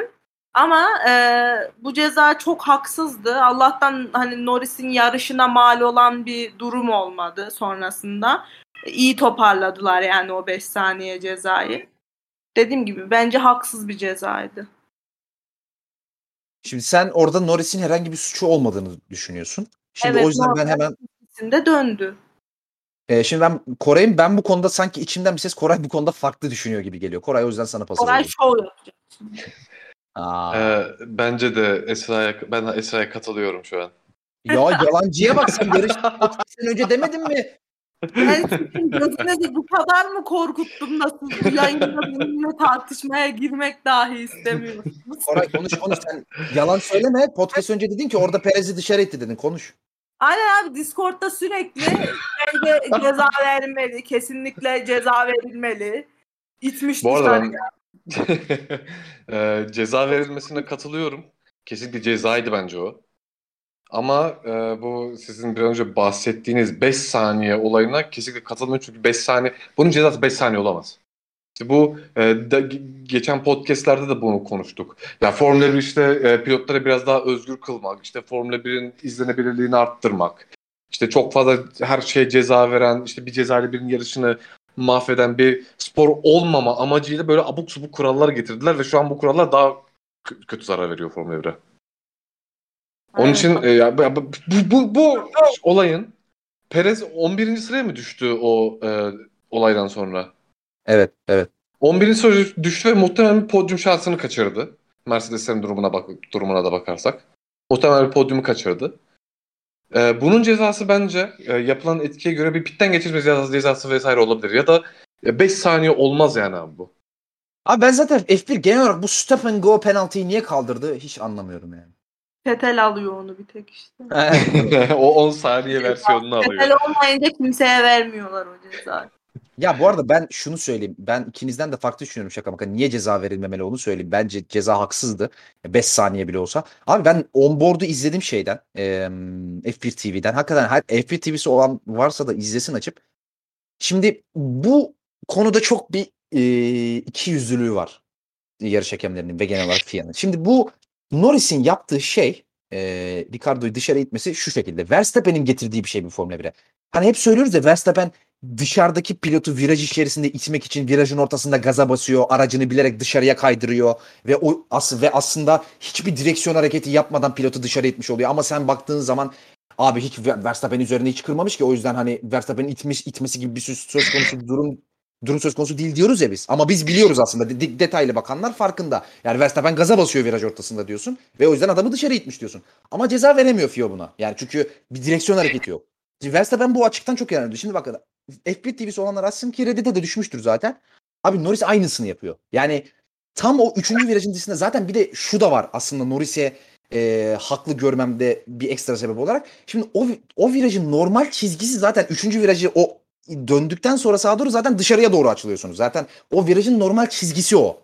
Şimdi Norris de aslında bir tık daha içeriden dönebilecekken yani o kadar dışarıya körtlere açılmasına gerek yokken Perez'i sıkıştırmak için ekstra bir gaz vermiş orada. Bir tane fazladan bir gazı var orada. Ama hiç direksiyonu sola doğru çevirmiyor. Ve o ekstra gaz sayesinde Perez dışarıya kalıyor. Dışarı, çakıllara kalıyor. Şimdi ben e, ben olsam ceza vermem buna. Niye vermem? Çünkü Norris çıkıp şunu dese. Abi Verstappen her seferinde aynısını yapıyor dese. Ne diyeceksin abi ben Norris'e? Hiçbir şey diyemez. Abi yani ya hiçbir şey diyemezsin. Ve ben kesinlikle ceza verilmesi gerektiğini düşünmüyorum. O zaman Verstappen de yapmayacak onu. Ve tekrar söylüyorum. Bir de Norris'in Verstappen'den bir fazlası var. Verstappen onu normal çizgisi o şekilde olmayan virajlarda da yapıyor. Ya bu virajın normal çizgisi zaten o köprülerin dışına taşmak. Yani normal Nor- Norris zaten normal çizgiye gidiyor. Perez orada bir anda çıkıyor. Ve ben kesinlikle ve kesinlikle Norris'e ceza verilmesini çok saçma buluyorum. Bence bu tamamen Perez'in yarışı zaten mahvoldu abi. E Norris de 5 saniyeden çok fazla etkilenmez diye sırf Red Bull'u susturmak için verilmiş bir ceza olarak görüyorum. Ve ben kesinlikle haksız olarak görüyorum. Ha Norris etkilenmedi. Hiçbir şey olmadı Norris'e. Yani Hamilton zaten 30 saniye arkasındaydı. E Bottas zaten önündeydi. Norris hiçbir şekilde etkilenmedi. Ama ben tamamen ne şiş yansın ne kebap olarak görüyorum bu Norris'e verilen cezayı. Ben cezanın haklı olduğunu düşünüyorum bu arada. Yok abi Çünkü, katılıyorum. Ya, onu e, izlerseniz sizin- vereceksiniz. Sizin bahsettiğiniz bu e, gaz vererek biraz aracı arkadan kaydırma mevzusu. E, tamam. Sadece o olmuş olsa biraz doğru. Çünkü Verstappen bunu öyle bir yapıyor ki. Ya Verstappen'in yaptıklarında bu galiba e, Imola'da kimin? Portek Portekiz'de kimin? Şu an hatırlayamadım yarışı. E, aynı şekilde Verstappen Hamilton'ı dış, dışarıya doğru ittirdiğinde Hamilton'ın e, sol lastikleri pist sınırları içindeydi. Verstappen'in o olada ceza almamasının almamamasının nedeni oydu. Ve Hamilton hala pist sınırları içindeydi orada. Abi Burada Verstappen bunu Ceza olmasa Abi Verstappen bunu her yerde yapıyor. Ama Meksika'da iki farklı yarışta yaptı. Alonso'ya yaptı bir kere. Hamilton'a yaptı. Lastiğini patlattı. Ceza almadı falan. Verstappen bunu Abi sürekli o da ceza o zaman. Çünkü bu sadece e, temas etme ya da işte rakip, rakibin durumunu riske alma vesaire değil. Bu, bu Pe- Perez'in durumunda e, Perez Norris'in yanına geliyor. E, ön kanatları Norris'in, Perez'in ön kanatları Norris'in side pot hizasında. Hani artık bu bunlar yan yana kabul ediliyor bu araçlar bu durumda. Ve bu durumda ilerlerken Norris hiçbir şekilde pist sınırlarında e, Perez'e hiçbir şekilde pi- pist sınırı bırakmıyor. Hatta Perez'in durumunda e, piste çıktığı ana bakın. E, körtlerin hemen içinde Norris varken Perez direkt dışarıda kalmak zorunda. Perez'in hiçbir hamle şansı yok orada. Sen anladığım kadarıyla Perez'in- ceza verilecekse de daha fazlası verilmeli tarafındasın zaten değil mi? Ce- hem ceza doğru hem de e, bunun cezası 5 saniye olmamalı. Yani direkt şey Formula 1'de verilen cezaların doğru olmalı hiçbir şekilde. Evet. Yani o Koray'ın o ceza bu olmamalı kısmına ben de katılıyorum. Ee, ya çünkü şimdi sen bir ya bu ceza verilecek bir pozisyonsa ve e, bu sebeple Perez 11. sıraya kadar 10. 11. sıraya kadar düşmüşse yani burada Norris'e verilecek en adil ceza Norris'i Perez'in arkasına düşecek bir şekilde konumlandırmak olmalı. Yani mesela atıyorum diyecek ki git pitte bekle Perez geçtiğinde hemen arkasından çık. E çünkü diğer türlü çok saçma oluyor. 5 saniye hiçbir şey olmadı Norris'e eğer haklıysa bu ceza. Norris'e hiçbir şey olmadı mesela. Şimdi o şeyin altından kalkamazsın Esra. Yani eğer oraya girersen yani her case'i ayrı ayrı değerlendirip ona göre ceza verirsen o işin altından kalkamazsın. Zaten FIA eskiden bunu yaptığı için çok eleştiriliyordu. Yani sürekli diyorlardı ki atıyorum aynı şeyi isimleri sallayacağım şu anda. Vettel yapıyor 10 saniye alıyor, öbürü yapıyor 20 saniye alıyor, öbürü yapıyor stop and go alıyor. Niye? Şimdi sen her olaya case by case ceza verirsen onun altından hiç kalkamazsın. Bunun standart bir cezası olmalı ama standart cezası 5 saniye olmamalı. Yüksekten vermelisin sen o cezayı yani. Arkadaki diyor mesela şöyle söyleyeyim. Perez ondan çok az etkilense bile yani şöyle mesela sadece bir sıra kaybetse bile verilen ceza 30 saniye olmalı mesela Norris'e veya 20 saniye olmalı. Yani o standart ceza bence uygulanmalı ama o standart yüksekten verilmeli. 5 saniyeden verilmemeli yani. Bence problem burada. Ama ben şeye kesinlikle katılmıyorum. Yani her olayda ayrı ayrı ceza verilmeli olayına kesinlikle katılmıyorum. Onun altından kalkamazsın çünkü yani. Ve çok gri alan olacak bu şekilde. Aynen çok öyle. fazla olacak. Daha büyük tartışma çıkacak. Bence de. Ya cezaların belli bir şey olması mesela işte şu anki cezalar ne var? 5 saniye var. 10 saniye var. İşte stop and go cezası var. Drive thru var ama kimse uygulamıyor. Yok abi. Hani bir ceza şeyi yok. Mesela bu e, Norris'in yaptığı olay. Ya bu 5 saniye ise ya şimdi mesela Raikkonen'in hatası ya, e, en son yarışın sonunda Raikkonen fetal teması daha sonra girdiği tabi ona da. Mesela o tarz kazalar. Buna Raikkonen'e kaç saniye vereceksin abi onu? Aynen öyle. Atıyorum 10 saniye verdin. Şimdi o 5 saniyesi o 10 saniye mi? Aynen öyle. Aynen öyle. Abi bir buçuk saat koşulan 300 küsür kilometre koşulan bir yarışta 5 saniye dediğin ne ki ya? Yani, ya abi Perez iki tane beşer saniye ceza aldı. Bir tur daha olsa Sainz e, Perez'i geçemiyordu. Perez hiç etkilenmeyecekti cezadan. İki tane beşer saniye ceza aldı. Neredeyse hiç etkilenmiyordu yani. Neredeyse. Hani iki tane suç iki tane suç işlediğine karar verdi yarış hakemleri Perez'in. Neredeyse etkilenmiyordu Perez bu cezalardan. Sadece Sainz'a geçildi. O da son anda geçildi yani. Yani iki tane hata yapmış adam ceza almıyordu neredeyse. Ya böyle bir saçmalık olabilir mi? E Norris yaptı almadı mesela hiçbir şey. E Perez'in yarışını mahvetti Norris. Ya şimdi bak bunun ortası yok ki. Şimdi diyorsun ki sen Norris abi Perez'i dışarı itti. Ve Perez'in yarışını mahvetti. Ama biz Norris'e 5 saniye ceza verdik. E böyle bir şey yok ya abi. Ama önce pitten geçme cezaları geri gelmeli. Stop and go'lar bilmem ne bunlar geri gelmeli abi. Ha ama şey diyorlar işte aa o zaman da işte tekerlek tekerleğe yarış e, şey yapılıyor. E, discourage ediliyor. Yani pilotların tekerlek teker yarışmasından uzaklaştırıyorsunuz pilotları. Haklısın. O zaman şöyle yapalım abi hiçbir şey ceza çıkmasın. Nasıl? Abi bu arada şunu da söyleyeyim. Ee, Le- Norris'le Perez'in olayında Norris'in içeri geçmek için alanı var. Aynı zamanda. Var canım ama kimse yapmıyor ki. Abi kim bırakıyor? İşte yapmıyor. Eğer Ay, bu cezalar bırakıyor? böyle 5 saniye 5 saniye olmaya devam ederse pilotlar bunu yapmaya devam Ay, eder. kim yapıyor ki zaten Koray? Ay kim bırakıyor ki iç, dışarı, içeride boş? İşte doğru. Katılıyorum işte. Onun için pilotlara da aslında bu şeyi veriyor. Bu aslında bunu da yapabilirsinin yolunu açıyor biraz. Evet. Çünkü mesela sen mesela Verstappen'den örnek verdin. Ya Verstappen bunu Hamilton'a karşı çok limitlerde yaptı. Ya Evet. Verstappen'in bu özel yeteneği gibi bir şey. Evet. Ama Norris mesela bunu da gördük. Hani bu bu kalibre bunu yapabilecek hani bir özelliği olan pilot değil. Yani ne bileyim işte Perez'e de gördük. Çakallığa itiyorsun abi sen. Yani bu kurallarla çakallığa itiyorsun sen pilotları. Çakallık Ya peşinde mes- koşuyorsun. Mesela Perez orada hata yapacak. Mesela bunun cezası atıyorum pitten geçme cezası diyelim. Evet. Norris sence o kadar kapanır mıydı dışarı? Kapanmaz hayır. Kapanmaz da Perez muhtemelen orada gidecek çünkü daha iyi çekişle geliyordu.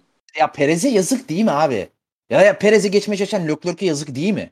Yani sen yani milyarlarca dolar, milyonlarca dolar R&D araştırması yapıyorsun. Yani e, şey araştırma geliştirme çalışması yapıyorsun. Bunlara özel ekip kuruyorsun.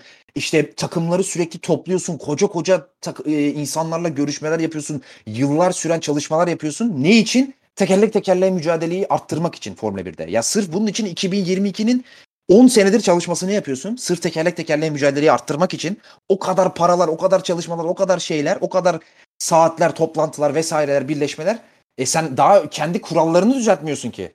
Yani tekerlek tekerlek mücadeleyi attırmaya çalışıyorsun. Arkadaki öndeki pilota atak yapan pilotun e, şeyini hakkını savunmuyorsun sen yani. E böyle bir şey olur. O zaman niye bu adamlar şimdi ben Perez çıksa şey dese mesela ben bundan sonra kimseye atak yapmayacağım abi. Hiç, hiç kimse hak ettiği cezayı almıyor dese. Ne diyeceksin abi Perez'e? Haksız mı yani Perez? Değil. Veya Leclerc çıksa dese. Adam beni iki kere dışarıya etti. Adam 10 saniye ceza aldı. E ben 8. bitirdim. Adam 6. bitirdi dese. Leclerc'e ne diyeceksin sen abi? Doğru. Norris Perez'i itti. Perez arka, Norris'in arkasında bit- bitirdi yarışı. Perez Leclerc'i iki kere itti. Leclerc Perez'in arkasında bitirdi yarışı. O zaman sen şimdi bu adamların ceza aldığını nasıl söyleyebilirsin? E ceza mı almış yani şimdi bu adamlar? Ya böyle bir şey olmaz. Sen tekerlek tekerle mücadele yaptırmak için 50 tane kuralı değiştireceğin önce pilotların geçiş yapmasını encourage et. Cesaretlendir onları. Adam e, dışarı çıkıp 40 saniye kaybettiği zaman dışarı itene 5 saniye ceza verme. E, komple serbest bırak o zaman yani. Herkes istediğini yapsın. Frenlemede yer değiştirsin. Dışarı itsin, duvara itsin falan. Kimseye ceza verme o zaman. Ya ne var ki 5 saniye ne abi ya? Abi Bu arada 2000... dediğine çok katılıyorum. Efendim söyle. Sözünü kestim. Ee, özellikle şu anki işte ceza sistemi vesaire tamamen savunma yapan pilot koruyor. Evet abi tamamen savunma yapan pilotu savunuyor. Ya 2002'de bir Malezya yarışı vardır.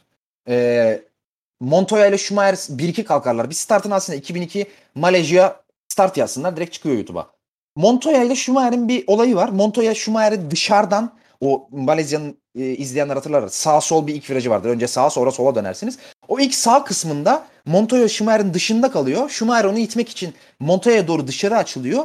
Montoya da e, Schumacher'in ön kanında Montoya'nın aracının altında kalıyor. Montoya Schumacher'in ön kanında alıyor götürüyor. Ve Schumacher'in yarışı mahvoluyor böylece.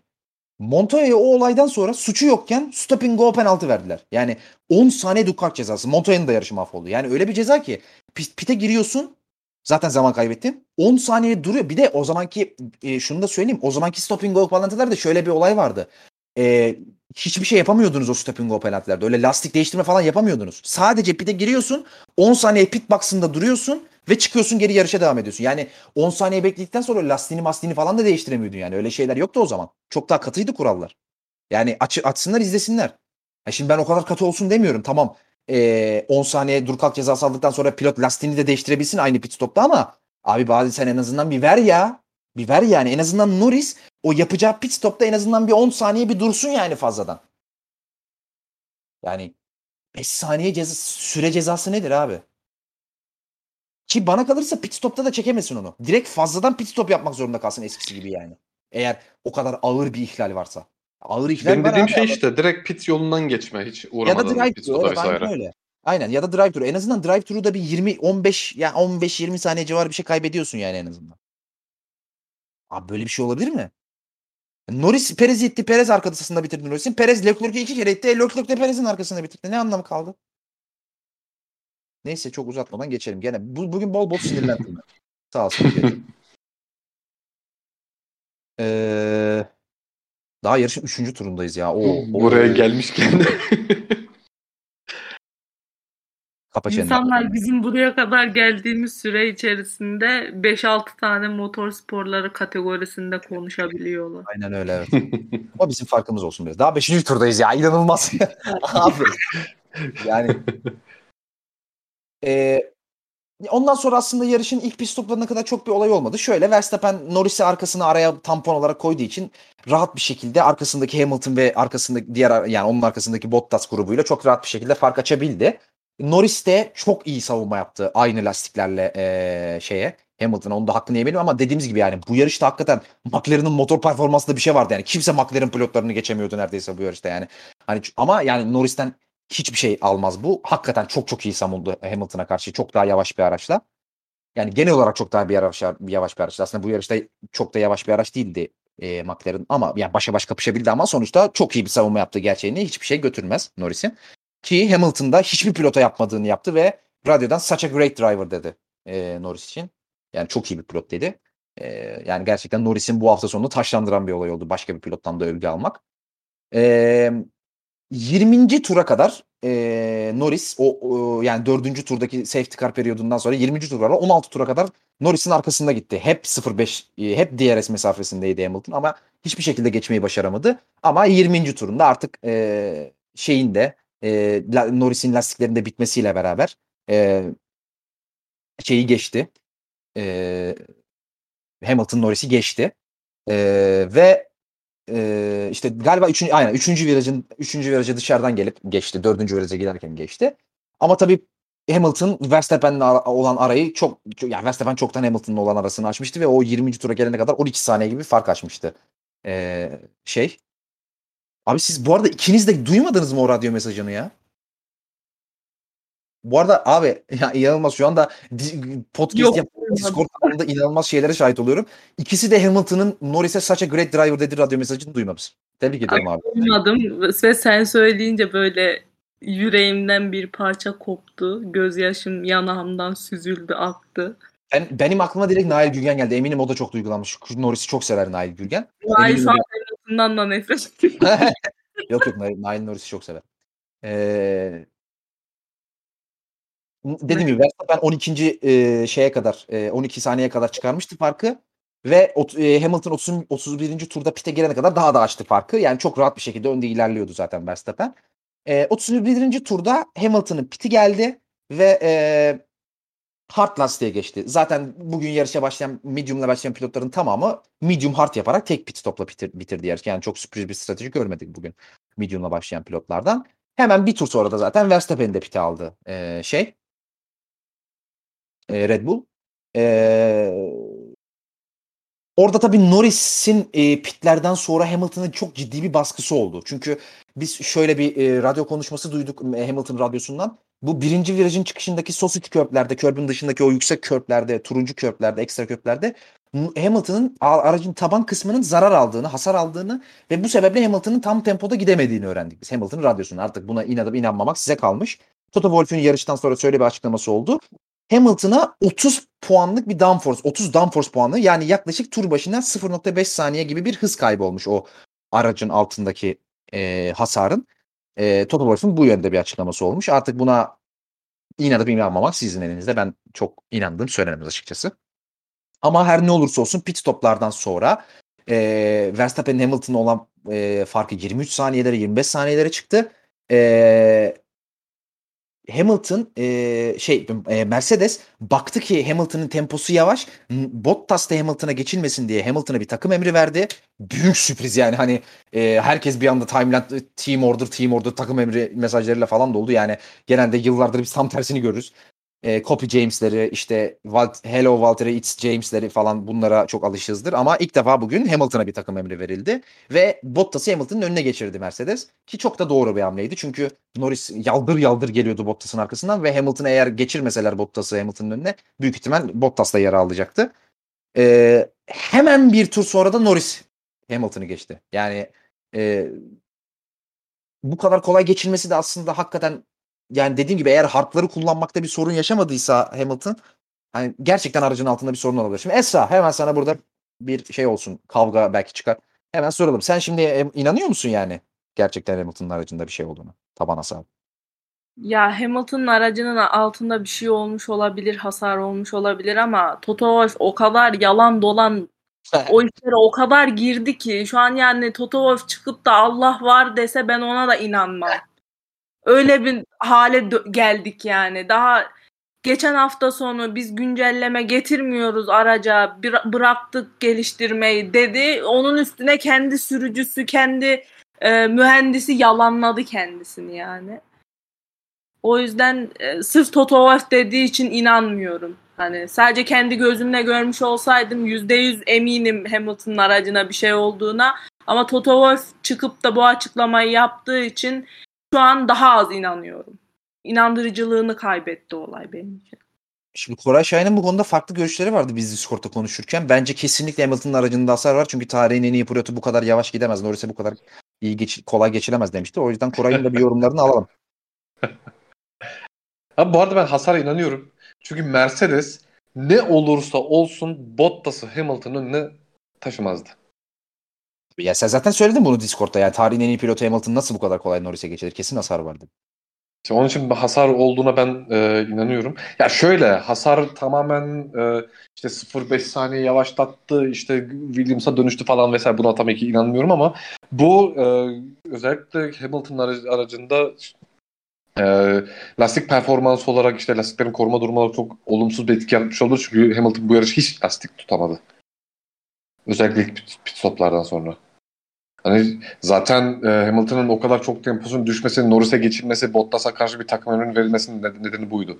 Onun için e, o hasar durum bana inandırıcı, inandırıcı geliyor ama 0.5 saniye inan- inandırıcı gelmiyor.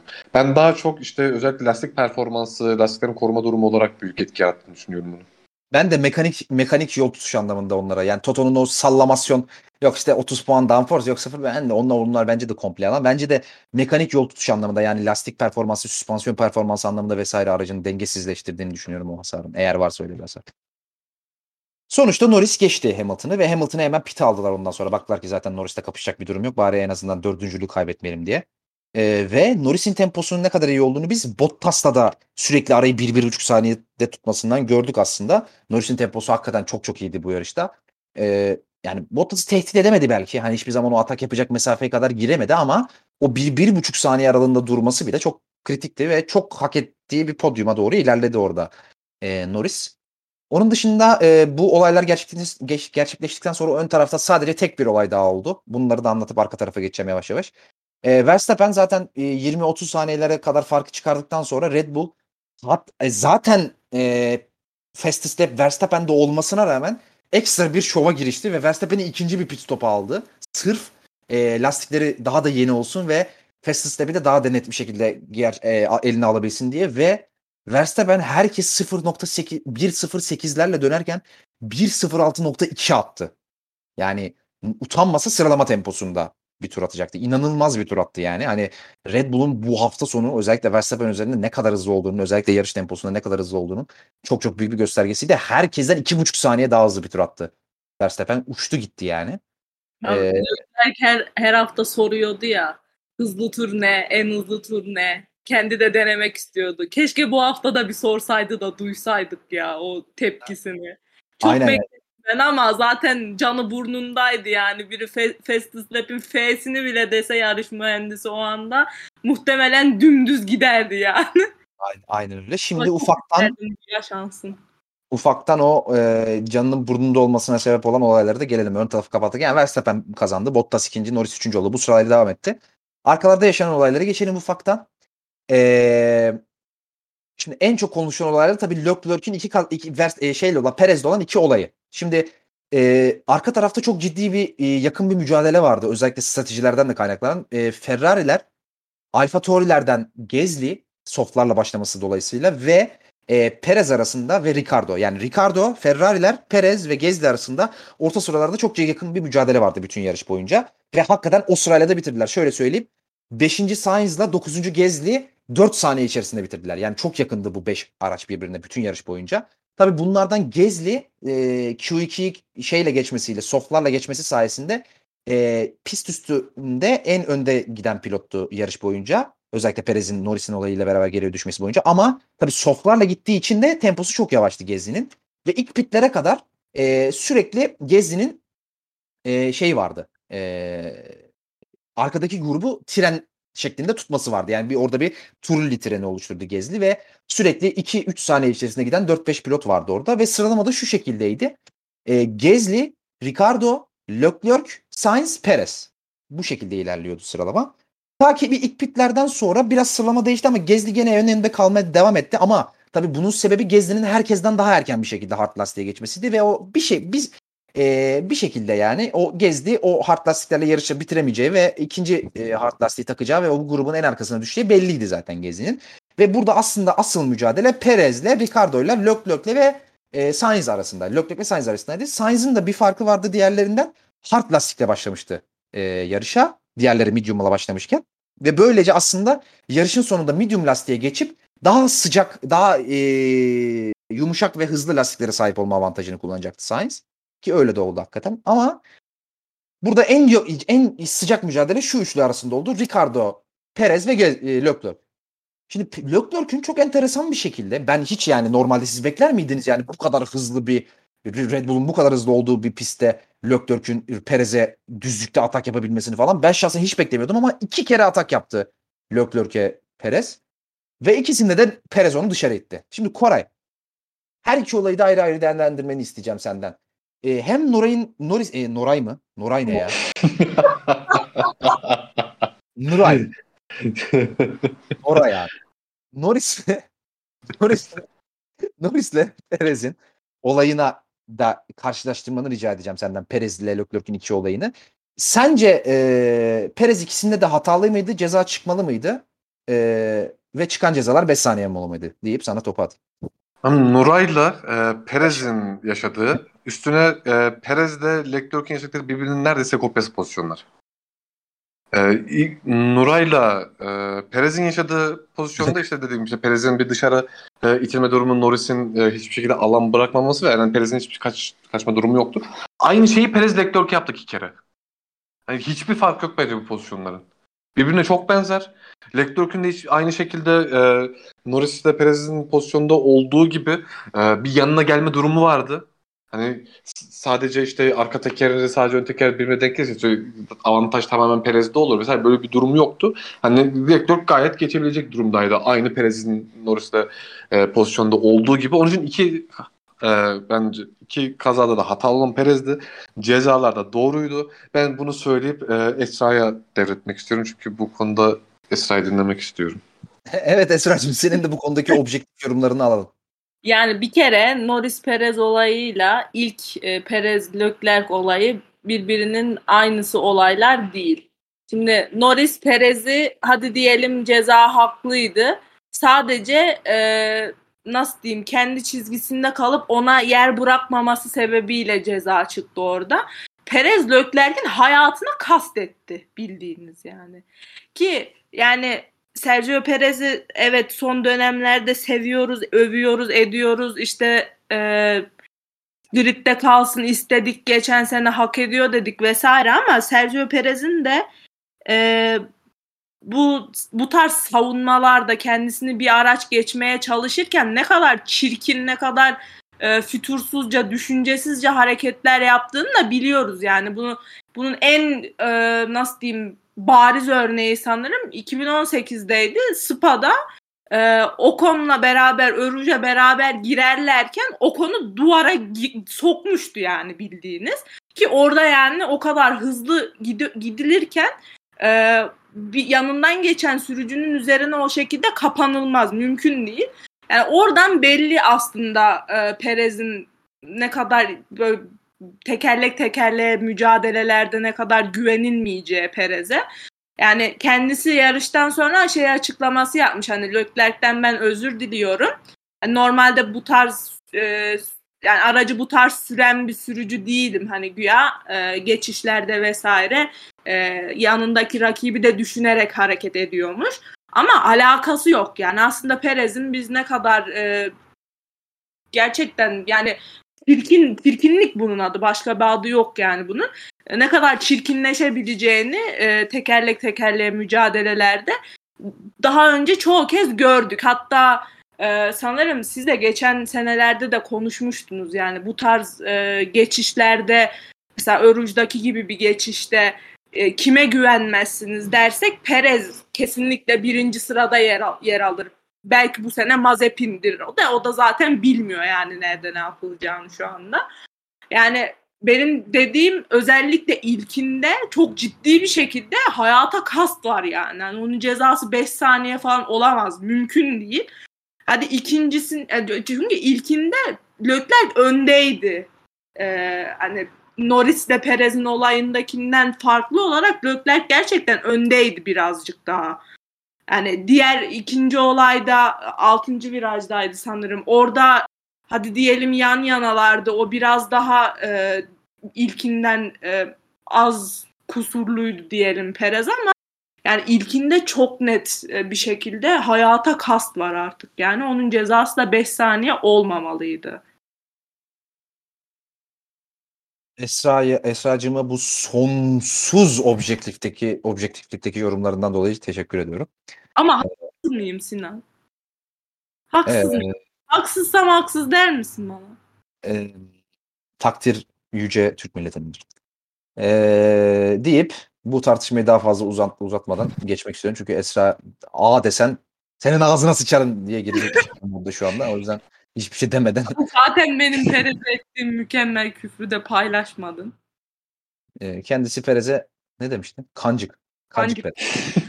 Terbiyesiz, cinsiyetsiz bir yakıştırma olduğu için seni tamamen kınıyorum. Yani. Bu Abi- seni yukarı çıkardığı gibi indirmeyi de Olmaz ya. O böyle bir sürüş olmaz, olmamalı yani. Anladın çok acımasız bir insan. Yani. Oraya düştün zaten geldin ortalığı karıştırdın. Bunun bu şeyliğinin yüzünden Leclerc alacağı sıraları da alamadı. Yani savunmayın diyorum Leclerc savunmayın diyorum ama yani sen bir Ferrari ile aynı tempoda hatta o tempodan daha düşük bir şekilde yarışıyorsun. Ya Leclerc DRS'yi açtığında Perez'in en fazla arka tekerinin yanına falan gelebiliyordu. O yüzden zaten böyle saçma sapan yerlerde Perez'i birkaç kere geçmeye çalıştı. Ricardo'yu öylesine geçmeye çalıştı saçma sapan yerlerde. Yani Leclerc'i izlerken böyle sürekli yüreğimiz ağzımızda izliyorduk biz bugün. Ama yani Perez'inki yok hiç olmadı. Ben bundan sonra Perez'le bütün ilişkimi bitirmiş durumdayım. E, Esra'nın Perez'le olan ilişkisini bitirmesini açıklamasından sonra artık Esra'cığım da izin verirse sıradaki olaya geçmek istiyorum. Geçelim. Ee, e, mm, yani yarışta zaten çok da fazla bir şey olmadı bu orta sıralardaki birbirlerini itme dışında. O yüzden hızlıca bitirelim artık çok da podcast'i uzatmadan.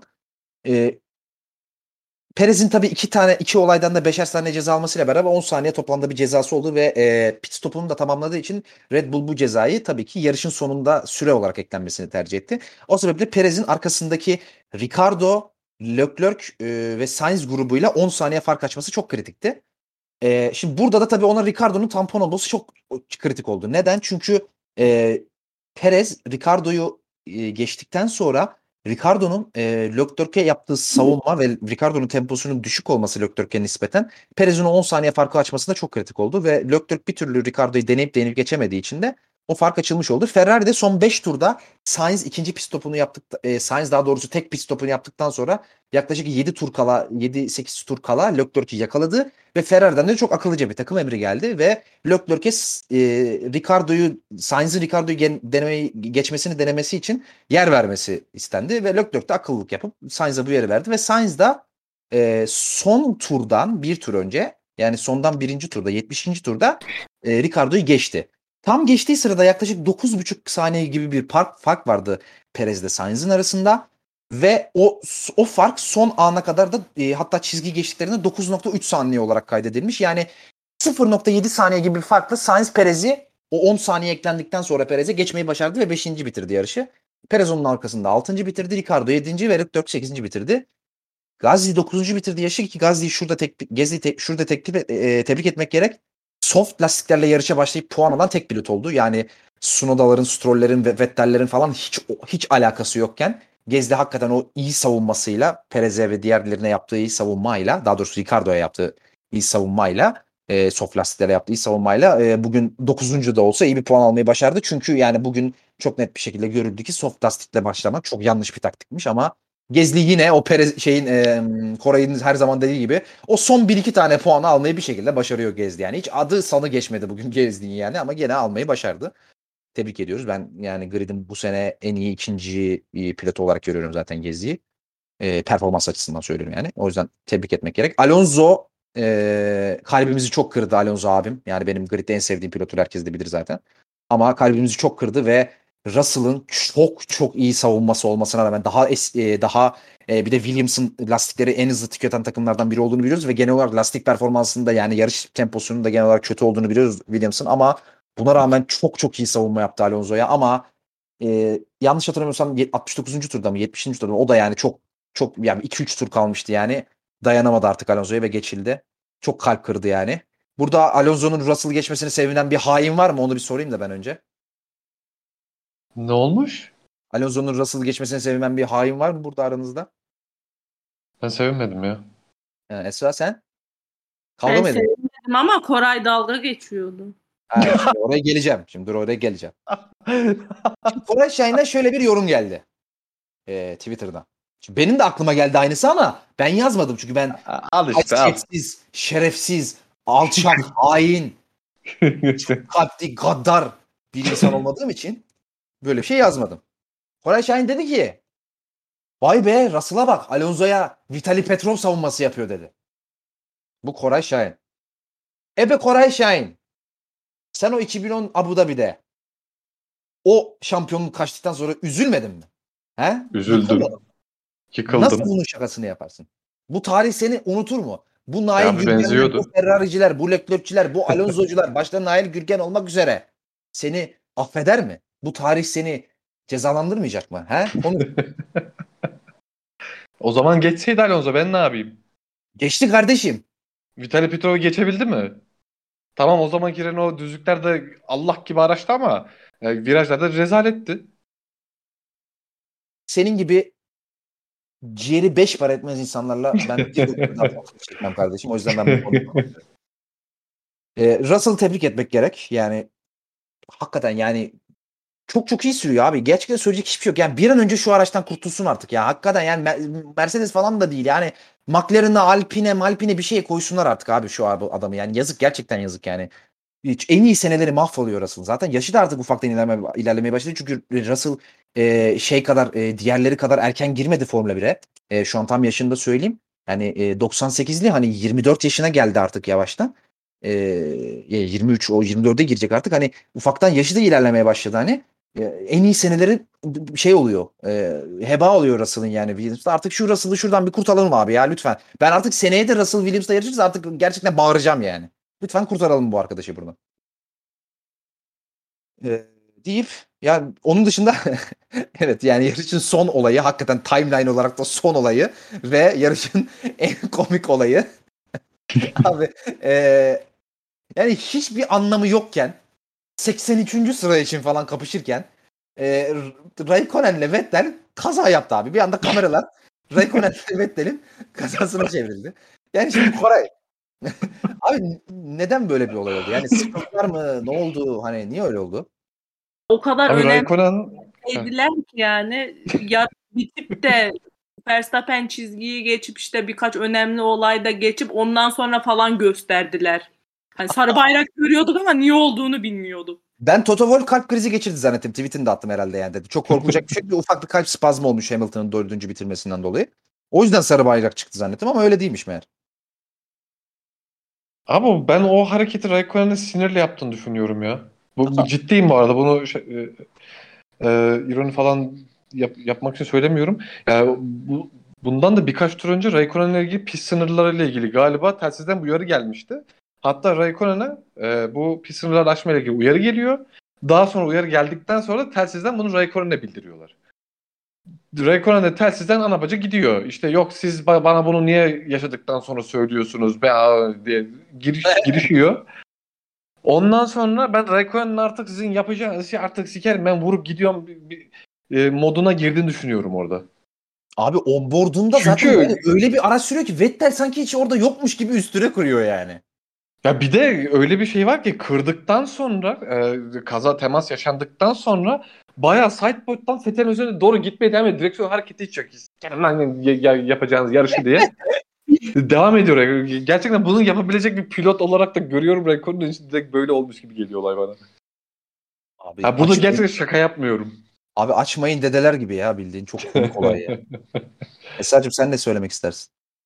Ee, şimdi komikliklerimizi yaptıktan sonra ben bir tweet gördüm de olayı kendim görmediğim için sadece öyle dendi diyerek anlatacağım.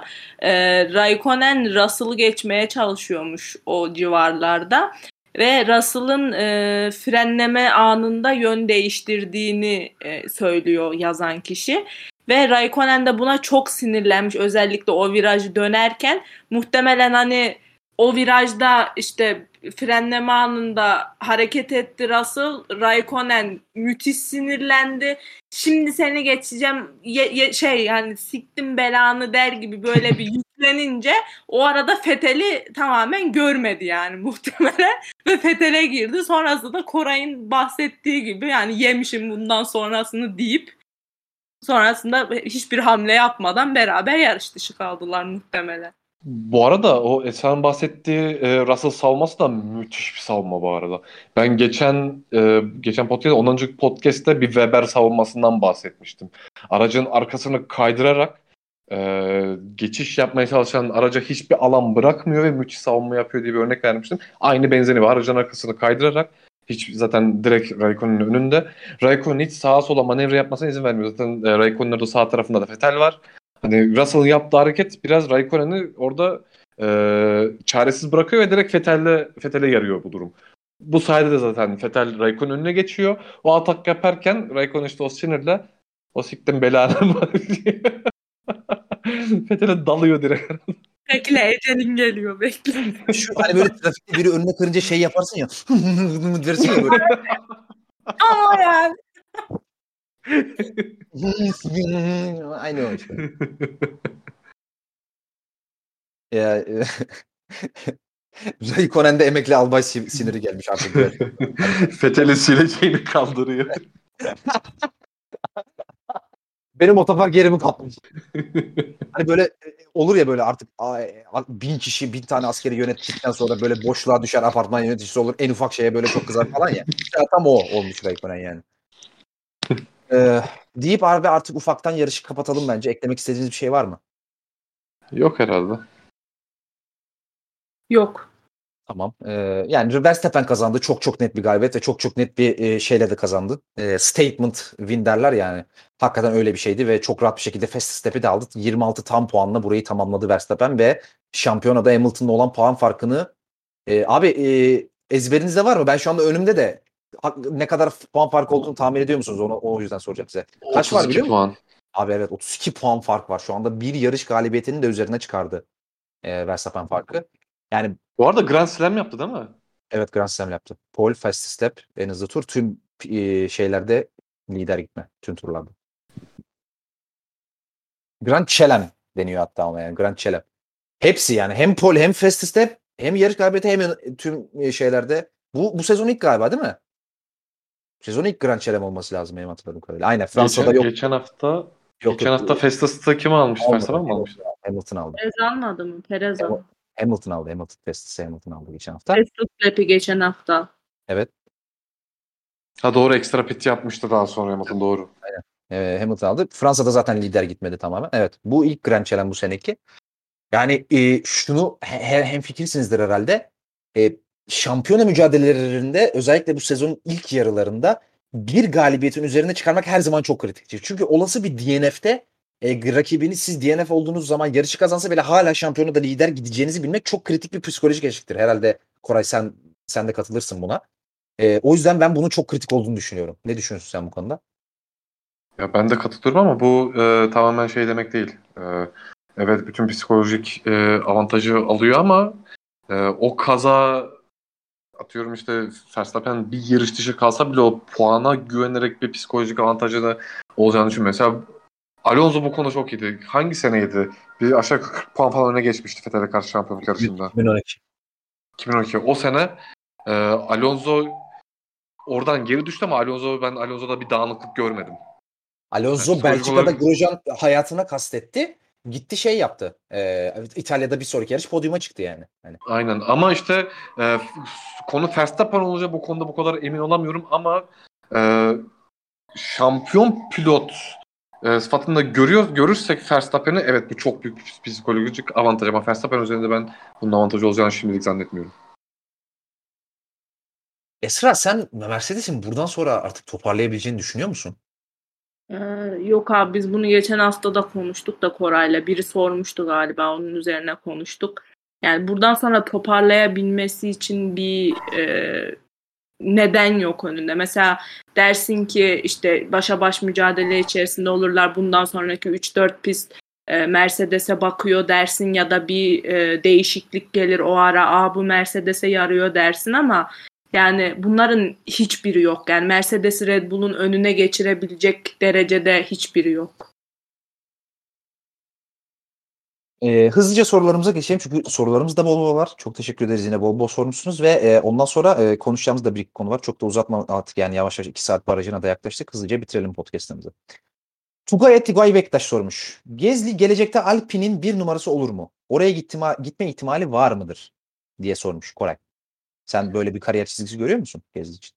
Abi şu an o konunun anlaşmasıyla beraber görmüyorum. Bu arada Ee, bu bunu- soruyu e, rastgele bir takım seç, seçtiğinden sormamış büyük ihtimal Tugay. Hani Fransız Fransız eşleşmesi sebebiyle sormuş anladığım kadarıyla.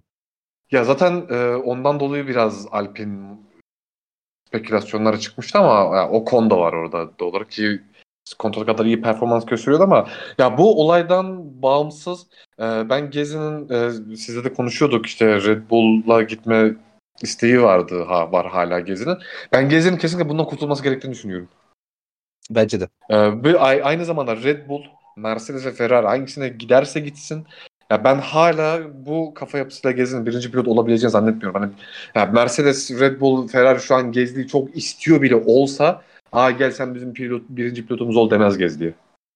Abi Gezli'ye ben üzülmeye başladım artık ya. Çünkü istikrarlı olarak çok iyi performanslar göster- gösteriyor ya. Umarım o mental eşiği aşar ya. Umarım aşmıştır yani. Belki aştı da biz göremiyoruz şu anda ama. Abi bunu işte e, bir top takımda lazım. Top takımda eğer bu per, iyi, bu performansa devam edebilirse işte o zaman Gezdi'ye bu fikirlerimiz değişir.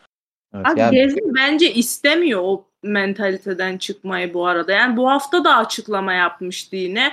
İşte ben şu an ne kadar e, puan topladığını hatırlamıyorum. İşte X puan topladım.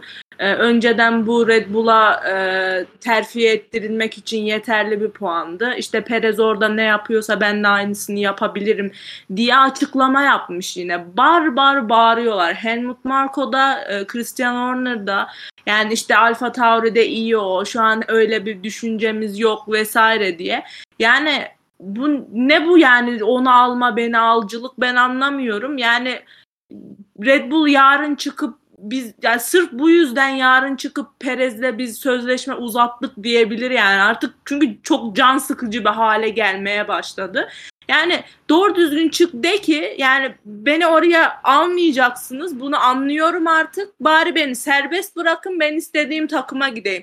Bence Alpin çok net bekledi Gezdi'yi bunu yapar mı diye ama Gezdi hala Red Bull istediği için Ocon'la uzattılar yoksa abi Alpin Ocon'la ne yapsın 3 sene yani. Ya bu arada şunu e, katılıyorum bu arada sana şunu da söyleyeyim. Ya Gezi Alfa Tauri'de kalması mantıklı Gezi. Şu anda Alfa Tauri gridin en iyi motoruna ve gridin en iyi takımının sister takımlığına ünvanına sahip. Yani bazı parçaları ortak paylaşması vesaire açısından. Ve rahat da bir ortama sahip. Yani nispeten performans beklentisi açısından vesaire vesaire. E takım arkadaşını da sürekli de- denize döküyor zaten. Alfa Tauri şu anda Gezi için gayet iyi. O yüzden Gezi'nin Alfa Tauri'den salın beni gitsin demesi için şu an çok bir mantıklı sebep yok bence. Çünkü nereye gideceksin? E McLaren e, dolu. E, onun dışında Ferrari'den hızlısın şu anda nispeten. E, zaten dolu. E, Alpine'den hızlısın gitmezsin. E, öbürü Aston Martin'den hızlısın gitmezsin. Şu an Alfa Tauri iyi ama gelecek gelecek için artık şu Red Bull meselesini bence de kapatması gerekiyor Gezi'nin. Yeter artık yani bu abi ya bir kere o o şey bir kere zedelendi. O bağlar bir kere zedelendi. O ilişki bir kere zedelendi. Re- Verstappen seni bir kere denize döktü. Sen şimdi Verstappen'in yanına her gittiğinde, her başarısız kaldığında, her bir sefer geçildiğinde gene aynı şeyler söyleyecek. Gene kendini gereksiz baskı altına sokacaksın. Yani orada artık o Red Bull kapısını zorlamasının bir anlamı yok Gezi'nin. Verstappen bırakmazsa ya. Ha, Verstappen gider Ferrari'ye, gider Mercedes'e. O zaman o zorlarsın oraya ama Verstappen orada duruyorken Gezi'nin orayı zorlaması anlamsız. Gereksiz baskı oluşturuyorsun kendine yani. Bence de o kapa- kafadan kesinlikle kurtulması gerekiyor Gezi'nin yani. Evet Tugay biraz hile yapmış. 5 tane soruyu bir tweet'e sıkıştırmış Tugay'cığım. Öyle hepsini uzun uzun değerlendirmeyiz. O yüzden eee, hızlıca geçeceğim. Mercedes performans düzelir mi? Düzelirse hangi yarışta olacak? Yani biz bunu konuştuk zaten hani e, düzlüğün bol olduğu pistlerde Honda'ya çok yaklaşacakmış gibi gözükmüyor Mercedes ama hani Silverstone gibi Fransa gibi teknik pistlerde galibiyet mücadelesinin içinde olmaya devam edecektir. E, Hamilton'ı bu halde görmek muazzam değil mi demiş. Hayır biz çok taraflı bir podcast olarak Hamilton'ın bu haline çok üzülüyoruz değil mi Koray? Tabii ki. Ray dedem her yarış böyle kazalar yapsa muazzam ol- olmazdı demiş. yani Ray Kanani gördüğümüz tek anlar kazaları olduğu için evet bizi eğlendirse seviniriz yani. Abi bu arada güldük falan da o kaza da gerçekten çok tehlikeli bir kaza. Abi çok salaklık ya Raikkonen'e ceza versinler zaten yani. Bence de. Yani 3 sıra ceza falan versinler yani gelecek yarışta. İyi yayınlar seviyorsunuz demiş. Çok teşekkür ederiz abi. Teşekkürler. Berkay Küçük et alt tire Berkay Küçük sormuş. Yine bize yoklama aldırıyor Sedat Peker. Ee, yani şakallığa bakar mısın? Hani bu Norris'le Verstappen'in bir gençlik fotoğrafı var ya Norris böyle yanında çocuğu gibi duruyor Verstappen'in. Gitmiş Norris'in kafasını Verstappen'e Verstappen'in kafasını Norris'e koymuş şakal. Hani Verstappen kısa duruyor Norris uzun duruyor. Ya Berkay biz bunları yer miyiz baba? Bize ne anlatmak istemiş? Yani Verstappen'den büyük pilot Norris. Ya ben bu kadar yakışıksız bir şop daha görmedim ya. Abi yani Berkay bu kafalara girme baba Allah aşkına ya. Lütfen. Norris, Norris Leclerc'ten de kötü pilot, Verstappen'den de kötü pilot, Gezzi'den de kötü pilot, Russell'dan da kötü pilot. Var mı başka Koray? Kenan Sofoğlu. Kenan Sofoğlu, Kenan Sofuoğlu'nun oğlu. oğlu. Finaleden kaldı mı ya başka geri? Yalnız Berkay şu anda var ya bizden Norris övmemizi bekliyordur muhtemelen. Onu, onu düşünerek e, podcast'i bekliyordur. Bizim Norris'i en çok gömdüğümüz podcast'lerden biri bu oldu.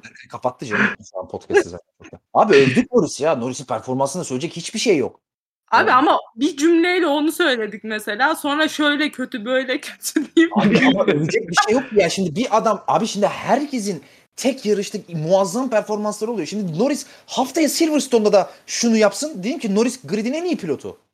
Ama görelim bakalım ne olacak Silverstone'da. Ya yine Leclerc'le Sainz'in arkasında kalırsa sıralamada o zaman ne olacak? o Bekleyelim zaman abi bakalım.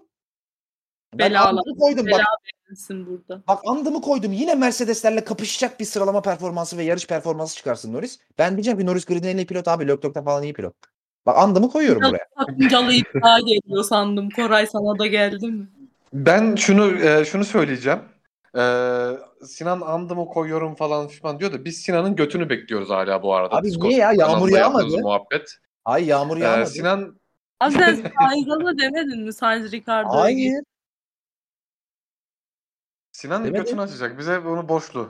Lan demedim öyle. Kendi şey. e, Hatta, hatta mesajı, bize değil bütün Discord Sinan. grubuna. Abi demedim öyle bir şey. mesajı silmiş. Mesaj Hayır, bunlar silerek. yalan. Abi ben Silmiş mi moderatör mesajı? olarak- Hayır bir dakika Ulan moderatör biri değilim. öyle yazmış. Hayır ben Sorularda.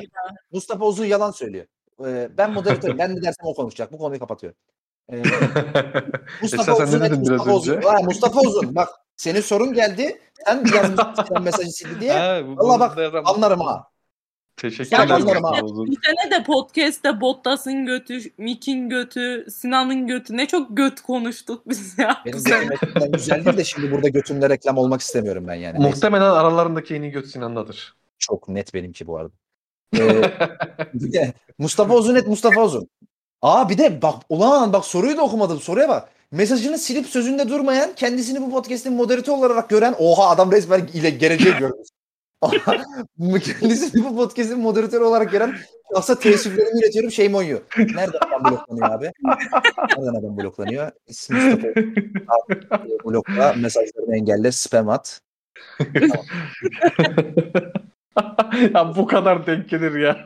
Şu Mustafa Uzun'u ben Discord'dan bir banlayayım da aklı başına gelsin. Anlamasana ya. Diktatör. Deniz İtalya bayrağı et Dedeni Höves olmuş. Bende de İtalya e, şampiyon olacak bu arada. En başından beri söylüyorum De- Deniz'ciğim. Türkiye GP full seyircili yapılsa bugün Max'in aldığı destek tarzı bir desteği alacak bir pilot olur mu? Olursa sizce tribüne gelen seyirciler en çok kimi destekler? Sevgiler, iyi yayınlar. Çok teşekkür ederiz. Bu konuda bir anekdot vereceğim abi. 2011 yarışına gittiğimi daha önce mutlaka söylemişimdir podcastlerde. Son İta- Türkiye yarışına geri dönmeden önce geçen sene. E, üçüncü, dördüncü virajın çıkışında oturuyordum ben. Çimlik kısımda yarışı takip ediyordum. Yarış bitti. Şey yarışta o tabii şimdi Formula 1 seyircilerin çoğu casual izleyici olduğu için öyle sadece ismini duydukları pilot Schumacher vardı büyük ihtimal. Abi yarışta sadece önümüzden Schumacher geçince alkış vardı. Sadece. Diğer hiçbir pilot alkışlıyordu. Bütün yarış atıyorum 57 tur muydu hatırlamıyorum. 57 kere Schumacher önümüzden geçerken alkışlandı. Bir de Schumacher böyle çok da kötü bir sıradaydı yani. Böyle 11. miydi 12. miydi? Hiç öyle sıradan gidiyordu. Yarış bitti. Bütün turlar, bütün pilotlar böyle önümüzden geçiyor. Yarışı Vettel kazanmış. Bir tane alkış yok. Alonso çok iyi yarışmış. Weber'in önünde bitirmiş. Alkış yok. Schumacher geldi. Vay alkış alkış kıyamet. Bir tek Schumacher abi. Çünkü sadece ismini bildikleri Schumacher olduğu için oradaki yarışa gelenlerin %80'ini sadece Schumacher alkışladılar yani. O yüzden bu, bu sene bu seneki yarışta da belki sadece Mick Schumacher'i alkışlarlar yani. Hiç şaşırmam yani öyle bir şey olur. Onu da şey babası sandıkları için alkışlayabilir. Aynen aynen. Aa Schumacher. Mutluluğuna girdiği için Mick Schumacher. Vay amına koyayım ya Schumacher ulan komada değil miydi? Ulan helal olsun adamlar ne adamlar bak komadan çıkmış yeri yarışıyor. Dönüş Allah, gelmiş. Allah helal olsun. Bir de özellikle Türkiye'deki son iki yarış bayağı tribünler vesaire boş. Evet. Ama şimdi bu şimdi hakkını yemeyelim. Şu e, hardcore izleyici sayısı çok arttı. Yani benim sırf ben timeline'dan gördüğüm sayı bile çok yükseldi. Yani 2010-11 senelerinde casual izleyici sayısı çok daha fazlaydı. Yani sadece böyle parası bir tık böyle orta üst düzey olan böyle o, o dönemin e, Türkiye'sinde üst sınıfta yer alan insanların böyle e, pahalı eğlencesi gibi bir şeydi o zaman Formula 1 ama şu anda Formula 1'i hardcore takip eden izleyici sayısı çok fa- fazla arttı. Yani şu anda Formula 1'in fan base'i o zamankinin çok açık söyleyeyim 10 katı falandır Türkiye'de. O yüzden hani e, o piste gidecek olan eğer seyircili olursa piste gidecek olan insanlar arasında bilinçli insanların sayısı çok daha fazla olacaktır ben ona eminim yani. Bir şey soracağım madem öyle. Ee, işte Liberty Medya'nın biraz daha fanlara açık olma planı en iyi işlediği ülkelerden biri Türkiye diyebilir miyiz buradan? Çok çok çok çok net. Çok net. Abi şu Teşekkür ediyorum. sosyal medya presence'ı yeter ya. Hani Drive to Survive'ı da bir kere bıraktım. En büyük Drive to Survive zaten de. Abi hayatında araba sürmemiş insanlar bile Formula 1 izlemeye başladı Drive to Survive sayesinde. O zaten bambaşka bir başarı hikayesi de. Ya şu sosyal abi e, Bernie ile ilgili çok inanılmaz bir ele- eleştiri vardı Bernie Eccleston'la ilgili. Liberty gelmeden önce. Abi hala şey e, şu takımlara verilen şeyleri bu e, verileri yarışla ilgili verileri A4 kağıdına çıkartıp veriyormuş. Bernie Eccleston zamanında Formula 1. Yani bu teknolojiye geçilme yani bunun dijitale geçilmesi Liberty Media gelince olmuş. Yani 1980'lerin kafasıyla yönetiyordu Eccleston. Ne bir sosyal medya tarafı vardı, ne bir e, yarış e, YouTube tarafı vardı, ne bir şey. Yani bunların hepsi Liberty Media sayesinde oldu. O yüzden hakikaten yani şu fan base'inin genişlemesinde ve casual fanların da hardcore'laşmasında çok çok büyük etkisi var Liberty Media'nın. O konuda hiç hakkını yiyemeyiz biz yani. Katılıyorum. Ayrıca bir de şeyi, şeyi, şeyi de ekleyeyim. Ee, Liberty Medya'da da medya gelmeden önce özellikle sosyal medyalarda Formula 1 hesabı ayda bir paylaşım falan yapıyordu. Aynen öyle. Aynen öyle. Abi yok ya Sağlık Bakanlığı gibiydi. Şey e, Milli Savunma Bakanlığı gibi tweetler atıyordu ya Formula 1. Bundan 7-8 sene önce yani. O zaman takip edenler hatırlar. Valla milli bu yarışta inanılmaz olaylar oluyor mesela. E, Formula 1 hesabı şey diye tweet atıyor. E, Vettel Alonso'yu geçti. Gerçekten böyleydi ama. Ya böyleydi. Hakikaten böyleydi. O zamanlar izleyenler hatırlar. Ferrari hesabı hala öyleydi ya bu sene biraz. A- aynen. Ferrari'de Eccleston yeni öldü Ferrari'nin. Eccleston yeni öldü herhalde. Denize de dönüyor benim ikinci sorusu. Abi lütfen hızlanıyorum. Kusura bakmayın çok uzadı artık açıktım yani. Ee, geçen sene iki yarışta da Mercedes'in bir saniye gerisine kalan Red Bull iki hafta sonra Silverstone'da pole alırsa bu iş bitti diyebilir miyiz? Ben a, pole almasa da bitti derim ya büyük. Esra? Yani ki ben e, Silverstone'da da önde olacağını düşünüyorum Red Bull'un. Ben yok ya bu saatten sonra çok mucizeye bağlıyorum artık Hamilton'ın şampiyon olmasını. Ya ben bunun biraz lastik durumuyla bağlantılı ol- olabileceğini düşünüyorum. Eğer çok büyük bir fark olmazsa lastiklerde Bence olmayacak. e, Red Bull yine burada pole alırsa sezon biter. Mustafa Uzun denen e, hilkat garibesi, alçak, yalancı, namussuz, işbirlikçi arkadaşın bir sorusu daha var. Bizim sevdiğimiz bir insan Sinan'a Bak bakmayın bak bak, siz. bak soruya bak Mustafa ben bu soruyu okumam ki. Okumuyorum. Seni seviyoruz. Ay Ben- okumuyorum. Soruya bakar mısın? Sorularımı gerçek üstadlar Esra ve Koray'a soruyorum. İşte bizim zaman- söyleyecek bir şeyimiz yok. Yok kardeşim Perez'e son birkaç yarışta zaten kendini ispatlamışken neden DRS açılmadan sanki kendi göstermek ister bir şeysin Norris'e atak. Aa güzel soru aslında. Yani Mustafa Bence de. sormamış gibi. Bunu böyle mesela Ay Ayberk sormuş gibi. Salah Meri, Soner sormuş gibi varsayıyorum. Ya tamam uzatma da gerçek üstadlara ver artık sözü ya. Tamam duralım soruyu sorayım. ya sus artık. Sormuyorum ben soruyu. Ben Ayberk sorduğuna verildi hocam. Ben sorarım Koray. Sor. Ee, Susar mısın? Sinan'ı sessiz alamıyoruz ya iki dakika. Hayır sus. Moderatör benim susar mısın? Hayır. Yorum yapar mısın? Perez sence neden böyle? Hayır. Susar ya mısın? bu arada e, Perez'in yaptığı atak kendini gösterme hatağı Selamlar. değil. Pilotlar artık caydırıcı cezalar değil mi diye yan yanayken alan bırakmıyorlar demiş Ayberk. E. Perez'in yaptığı atak bence olması gereken bir atak. E, özellikle son yıllarda DRS'nin hakimiyetiyle birlikte bu atakları e, çok fazla görmemeye, dene- bu denemeleri görmemeye başladık. Ama aslında yapılması gereken şeyi gördük biz Perez'de. Onun için e, kendini ispatlama durumu değil, aslında yarışçılık ruhuna uygun bir, daha uygun bir atak girişimiydi bu. Mustafa Esra. Uzun kimsenin cevabını merak etmediği bu sorusuna kimsenin cevabını merak etmediği cevapları veren Koray Şahin'e teşekkür ediyoruz. Hayatımızdan Esra senin yorumunu alabilir miyiz? Ben sana sonuna kadar katılıyorum. Mustafa'cığım mısınız ya? teşekkür ederiz sorun için. Biz seni çok seviyoruz. Kardeşim adam moderatörünüze saygısızlık yapıyor. Bu ne terbiyesizliktir ya. Siz Ya nasıl bu- moderatörümüz geçen hafta ortada yoktu. Şimdi konuşmasın. E sen de haftaya yoksun. O ne olacak? Ben moderatör müyüm? Benim yerime birini arıyordun ya. Benim yerime gelenle belki daha iyi anlaşırsın. Esra Yılmaz'ı bu saatten sonra Grid Formula 1 podcast ile ilişkisi geçirmi- ke- kesilmiştir. Üçüncüyü arıyoruz arkadaşlar. Mail yoluyla bizlere mail atarak baş... İkinciyi de arıyoruz. Ben de istifam veriyorum. Hayır ikinciyi aramıyoruz. Koray'ın bizde yeri daha iyi. Ay ben Adamı zorla podcast'e mi çıkaracaksın? Abi Diktatör. tamam. Ya tamam lütfen bak acıktım gerçekten hızlıca E, biz yedik sen de yedin ya. Anne. Ayberk Sorgun eti verildi hocam. Selamlar. Selamlar abi. Seni seviyorum. Bu Mustafa Uzun gibi kalleş bir insan değilsin sen Ayberk.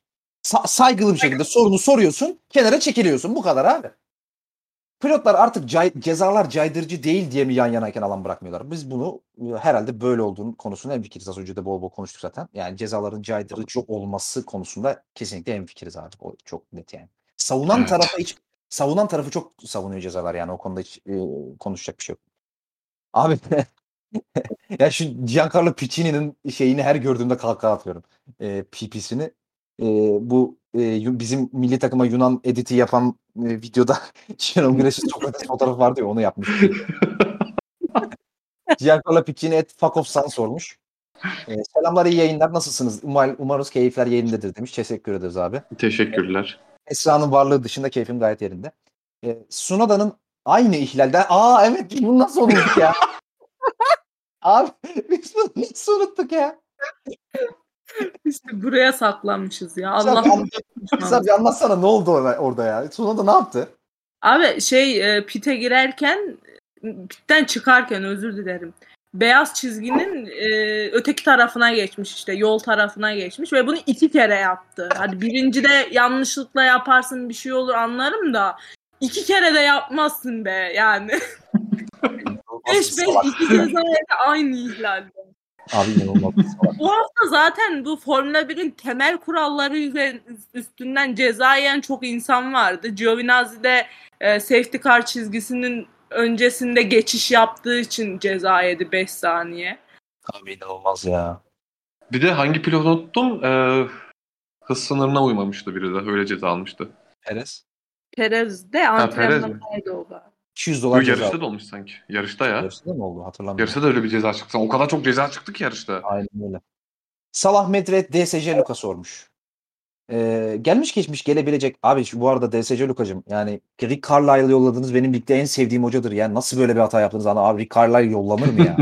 Luka'ya pilot, koçunuzu yedirdiniz yani hakikaten. Allah akıl fikir versin abi. Gelmiş geçmiş gelebilecek en iyi pilot olan ve Aston Martin'den öcünü alan Fernando Alonso. Abi seni yerim ya. Tahminen kaç? baba baba baba. tahminen kaç? Abi adam Nasıl doğru değişti söylemiş. adam bir anda ya? Nasıl değişti Abi, ya? abi gelmiş geçmiş gelebilecek en iyi pilot olan ve Aston Martin'den öcünü alan Fernando Alonso. Yani ben burada tek hatalı kelime göremiyorum yani Koray. evet. Acıyor mu deseydi? Olabilir. Tahminen kaç yarış sonra podyuma çıkar? Abi zor ya Alpine'le podyum. zor. Ne oldu lan? Ne oluyor ya? Bu kadar Alonso övmenin üzerine bir anda sesin düştü. Evet ya podyuma çıkamaz abi. Salamere sen de yükselttin yükselttin. Podyuma çık çıkamaz. Nasıl çıkacak abi zor.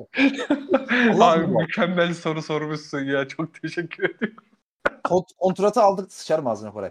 Kontratı aldıktan sonra gelmiş geçmiş en büyük yarış yarış yatış ha yatışa geçen Fransız palyaçosu hakkında birkaç şey yapıyorum. Herhalde Fransız palya- palyaçosu diye Gezi'den bahsediyor Esra. Bak, bak hele. Hiç öyle bir şey zannetmiyor ki. e, Niye bu topu bana attın ki? bu arada. Gezli e, yakın zamanda bir kontrat aldı mı Esra? Aldı mı Koray? Aynen. Almadı. Tamam lütfen abi hızlıca geçelim lütfen konuşacak konularımıza. Sinan Evet. açlıktan öldürene kadar buradayım ben. Kapa çeneni. Ben de. Uzatın uzatabilirim. Soner et Soner çakmak sormuş. Affınıza sığınarak sormak istiyorum. Eyvah. Eyvah. am. Ne geliyor belli. değil. Max Verstappen kardeşimiz büyük harflerle yazmış Max Verstappen, Max Verstappen'i. 7 kere dünya şampiyonu bir adamı en prime döneminde, en prime dönemi olduğuna katılmıyorum. Ee, şeyinde sallayarak şimdi orayı ben sansürleyeyim. Şeyinde sallayarak bu koskocaman sporun gururunu kurtarıyor diyebilir miyiz demiş. Yani bize Verstappen öldürmeye çalışıyor. Hamilton'dan sallatmaya çalışıyor. Koray. Kurtarıyor mu gururunu Verstappen? Abi bu- burada bir gururluk bir durum yok. Ama ciddiye alma adam şaka yapmış ya. Hayır. Lafımı kesme lan. Burada gurudan bahsedeceksek Alonso'dan bahsedeceğiz. Ya ne Alonso'su Ve senin ya? burada savunman lazım. Formula 1 Alonso gururunu var. ama en iyi pilot.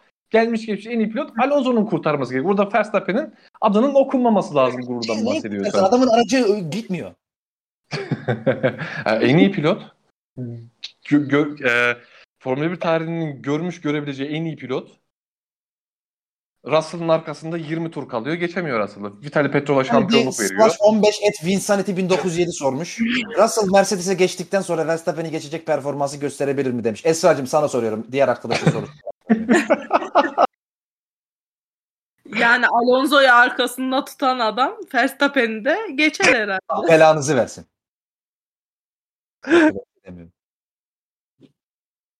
Tamer sana soruyorum. Norris McLaren ortaklığı onları nereye götürür demiş. Konuş. Burada muhtemelen Tamer de katılmayacaksın. Tamer konuş. Tamer belki Alonso'yu sallamaz. Norris McLaren ortaklığını onları nereye götürür demiş Esra.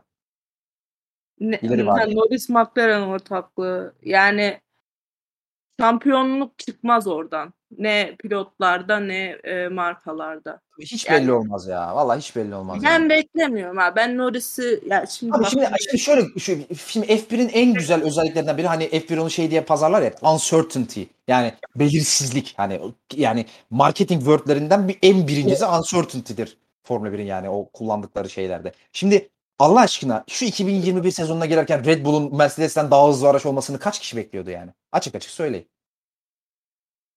Ya beklemiyorduk ama yani şöyle söyleyeyim McLaren böyle olağanüstü derecede herkesten önde olmadığı sürece falan ben Norris'in birileriyle şampiyonluk mücadelesine girip şampiyon olabileceğini düşünüyorum. Yani öyle önce kendi motorunu üretsin diyebilir miyiz? üretsinler evet. Ya hiç de demedi Esra. Hiç oralı olmadı Esra yani. Dedim Kolay o işte üretsinler dedim. Koray o zaman senden tek cümle istiyorum. McLaren şampiyon ola- olmadan önce kendi motorunu üretsin diyebilir miyiz? Diyebilir miyiz? Ne bileyim ulan sana soruyorum işte diyebilir miyiz? Bunu da Alonso'ya bağla. Alonso'yu kovdu şey yaptılar ya bir canını sıktılar ya onun McLaren orada bir ah var. Alperen Ustabaş Allah belanı verecek Koray. Alperen Ustabaş et Alperen Altıra Ustabaş sormuş. Aynı yarış neden ikinci kez Aha bir dakika güzel soru.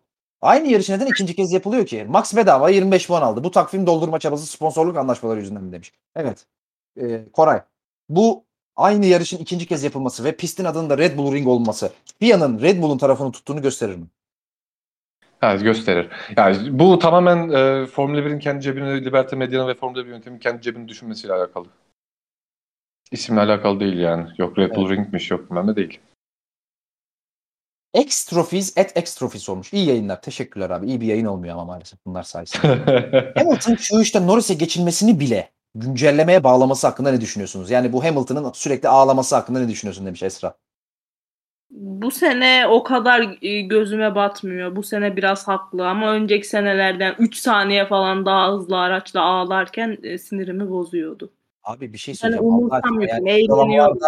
ya Esra sıralamalarda McLaren'ın Norris'e geçildikten sonra bile güncellemeye bağlamasında haklı mı ya Hamilton? Ya hayır haklı diye demiyorum. Eğleniyorum bu sene. Geçtiğimiz senelerde sinirim bozuluyordu. Hem 3 saniye öndesin hem 3 saniye daha hızlısın hem ağlıyorsun diye. Bu sene hani geride kalıyor ya bir de gerideyken ağlayınca sadece eğleniyorum. Her fırsatta hem düzlüklerde kaybediyoruz. Hem, ne? Hem fırsat ha rüzgar şey rüzgar mı? Virgüle rüzgar dedim ya. Acık, ben acıkmışım. Her Türkçe fırsat- bilmemek. Her fırsatta Hamilton düzlüklerde kaybediyoruz. Her şeyimi veriyorum şeklinde arabayı suçlaması ne kadar doğru sence demiş. Sizce demiş. Yani ya Hamilton'ın bu parantez içerisinde ağlaması hep vardı. Hani e, o artık taktik dersiniz, kendini motive etme dersiniz. Hani ama Hamilton hep bunu yapıyor. Sürekli bir şikayet etme durumu vardır zaten Hamilton'ın yani. Ya bu arada Hamilton'la ilgili bence şu da var. Ee, tamam evet araç şu an Red Bull'la mücadele edebilecek durumda değil. İşte siz de söylediğiniz Hamilton biraz e, ağlamaya meyilli pilot. Aynı zamanda Hamilton'da da şu var. Abi Hamilton'ın daha önceki senelerde ben hep şunu söyledim. Tek turda inanılmaz pilot olduğunu düşünüyordum.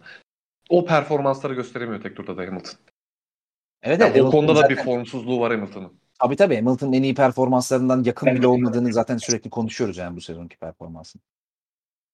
Emin Caner Işık'ın et Işık Caner soru. Ceza rekoru kırılmış olabilir mi demiş. Abi yani Daha da gelecek yani 7-8 pilot da inceleme altında. Tabii o Michael Masi'nin götü yemez hepsine ceza vermiyor ayrı da. Hani inceleme anlamında bile net rekordur yani. Russell kadar bassız F1 pilotu var mı demiş. Abi ben Discord'da da yazdım. Yani Alonso bassızlığına artık yaklaştı yani bu bambaşka bir bassızlık artık yani bu Russell'ınki çok bassızdı ya. Ee, Vettel için tersten özürü ben diliyorum demiş. Abi anlamadım ne anlamda? Ha ha tamam tamam şey e, cumartesi günü hakkını savunduğumuz için tamam evet doğru. Abi yok ya Ra- Raikkonen adama gitmiş çarpmış yani. Vettel'in de yani bu, bu bu yarışta başına gel, gelmeye kalmadı abi ne yapsın çocuk ya vallahi yapacağı hiçbir şey yok yani. Yiğit et I don't know why 94 sormuş. Bunak Fe Bunak Fernando Alonso. Kitlendi adam. Sinan gitti herhalde şu an. Bunak Fernando Alonso hem Russell hem de Williams takımının ahını aldı. Bir yarış daha bitirebilir mi? Soruyorum. Keyifli muhabbetler dilerim. Tabii tabii çok keyifli muhabbet verdim bize. İyi. Biz çok keyif alıyoruz. Da, Bunak Fernando Alonso hem Russell'ın hem de Williams'ın ahını almış. Bir daha yarış bitirebilir miymiş? Öyle Abi ben bunu söyledim yani. Ah aldı götünü doğrultamaz bundan sonra.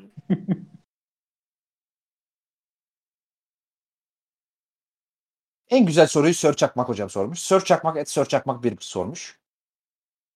Sör Çakmak bu arada şunu söyleyeyim yarı gelmiş. Gözünü seveyim şu benim Bunak Fernando Alonso kısmından sonra kaldığım kıt gel, gelen kısma atma lütfen yani. Durup Lütfen durup at. Ay, Sen aldın. lütfen. Öyle ne olur at.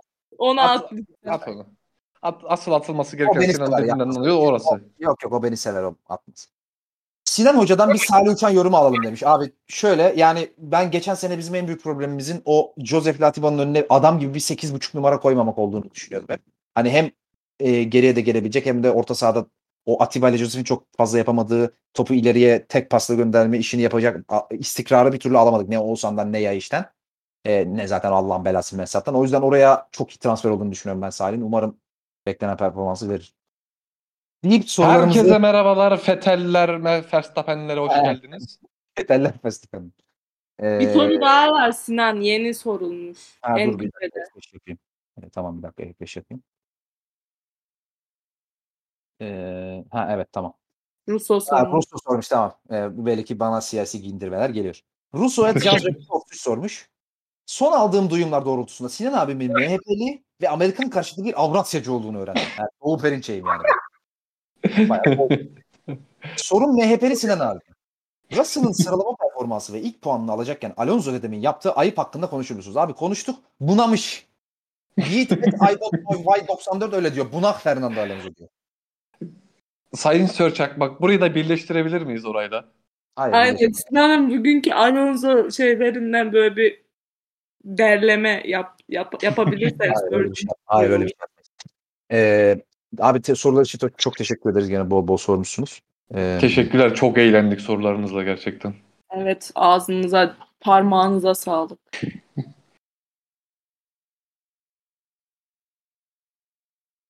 Sinan mikrofonu kapat. Ya yok, bir telefon çaldı da onu şey yaptım. Çok özür diliyorum. Ee, şimdi birkaç tane haberimiz var. Sorulardan sonra onlara da geçecektim. Onları da konuşacağım. Şimdi e, en önemli haber tabii hafta içi Hamilton'ın e, Mercedes'e yeni iki senelik kontrat imzalaması oldu. Şimdi bu kontratın e, yani opsiyon vesaire çıkış olayları vesaire ilgili ben bir haber görmedim. Siz gördünüz mü? Ben bir şey, bir şey çıktığını görmedim. Yani 1 artı 1 mi yoksa direkt 2 mi? Sizin Yok bir- direkt diye yayınlandı her yer. Aynen. Yani ben gene de bir çıkış opsiyonu olduğunu şahsen düşünüyorum. Nereye çıkış? Ha, genel olarak yani 2022 senesinde eğer kötü bir anda çok kötü olursa ben 2023'te Hamilton kalmaz diye tahmin ediyorum. Hı. Abi ben bunu çok e, ihtimal dahilinde görmüyorum ya. Ben de Çünkü aynen. nereye çıkacak? Gitmez. Ferrari Mercedes ve Red, Red Bull Red Bull zaten imkansız. Ferrari'mize Abi e, Hamilton'ın Ferrari'ye gidebileceğimi hiç zannetmiyorum. Leclerc ya. olmamasından bağımsız olarak. hayır abi eğer bak siz infoyu almamışsınız şimdi e, İtalya'da benim e, teyzemin temizlikçisi Ferrari'de çalışıyor. Öyle bir şey değil mi Koray? Neydi? Temizlik temizlikçisi miydi? Teyzeci Direkt miydi? Binotto senin herhalde. He. E, şimdi Ferrari ile Mercedes anlaşmış abi. Eğer gelecek seneki araç şampiyonluğa yarışan bir araç olmazsa Mercedes'te Leclerc Hamilton swap'i geliyor abi Mercedes ile Ferrari arasında. Takas. Büyük bombayı Sinan patlattı. Bunu da hiçbir yerde duyamazsınız. Şimdi Alonso'nun e, acaba Ferrari'ye çıkış çıkışı var mıdır kontratında? Ya yok artık ya. Alonso'nun Ferrari'ye girişi vardır. Allah aşkına yeter artık. Ne Alonso şeyi çıktınız arkadaş başına ya. Bıktım Alonso Alonso. Seni var ya Alonso ağzına Alonso lafını almaktan men ediyorum. Bulat Biz- Alonso. Aldım yine. Alonso. Terbiyesizler. Nasıl gömdük bugün ama yerden yere. Vurduk, vurduk. Ya Boğduk boğduk duvara attık. Ya beni niye sevmiyorsunuz? Ben melek gibi insanım. Benimle niye kavga Ya, ediyorsunuz? Bebeğim seni seviyoruz. Onda bir sıkıntı yok. Seni kızdırmayı da seviyoruz ona. Ha, bu durum ben yani. Evet o doğru ya. Şimdi bu e, bunak munak o terbiyesizce lafları bir kenara bıraktıktan sonra sıradaki konumuza geçelim. E, şimdi haftanın en önemli konusu tabii ha- yani aslında genel olarak Formula 1'in şu anda e, uzun vade gündemindeki en önemli konusu 2005 2025 senesinde getirilecek olan yeni motor kuralları. Bununla ilgili bununla ilgili bu hafta içerisinde bir toplantı yapıldı. Ve toplantıya e, çok çok kritik yani isimleri tek tek saysam hani Kurtlar Vadisi'ndeki o Kurtlar Konseyi baron toplantıları gibi bir toplantı yani. Hani e, öyle bir toplantı. Tek tek sayayım size.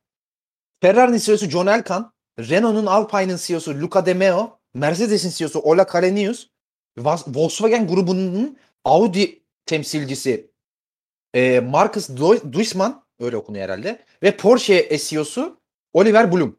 Yani otomobil sektörünü yöneten isimler resmen neredeyse. Bunun yanı sıra F1 adına da yani daha doğrusu Liberty adına da Stefano Domenicali ve Ross Brown FIA adına da Jean Todt katılacak. Yani bütün babalar bir araya gelmiş öyle söylemek gerek herhalde kısaca. Ee, ve 2025 motor kuralları değerlendirecek. Şimdi tabii burada siz Porsche'la Audi'nin katılımı ne alaka diyebilirsiniz. Porsche'la Audi F1'e mi giriyor diyebilirsiniz. Abi şu çok net çok e, klasik bir geyiktir bu yıl 30 senedir Formula 1'de yapılan.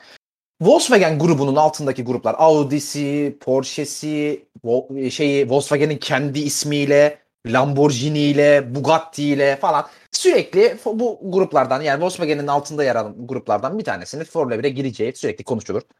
Ama bu 35 sene önceki Lamborghini'nin motor tedariğinden beri hiçbir zaman olmadı. Olmuyor. Bir türlü olmuyor yani. Sürekli bir yalandan bir ilgi var. Ben yine olmayacağını düşünüyorum. Çünkü Volkswagen grubunun çok net bir hedefi var. 2030 yılından itibaren tüm araçlarında karbon neutral yani karbon salınımının sıfıra indirilmesi ve tamamen elektrikli bir line-up'a, araç line-up'ına yani yol araçlarında da e, tamamen elektrikli bir seriye, hiç atmosferik motor kalmayacak bir seviyeye geçmeyi planlıyor Volkswagen. E böyle bir bir numaralı hedefi de bu olan bir grubun ben hala atmosferiklerle yarışılan bir e, motor serisine dahil olacağını kesinlikle düşünmüyorum. Ama şöyle bir ihtimal verilmiş Formula 1 camiasındaki gazetecilerden hani nasıl olabilir bu? E, Formula 1 e, 2025'te hidrojen yakıtına geçilmesi gibi bir olasılık var e, Formula 1 araçlarında.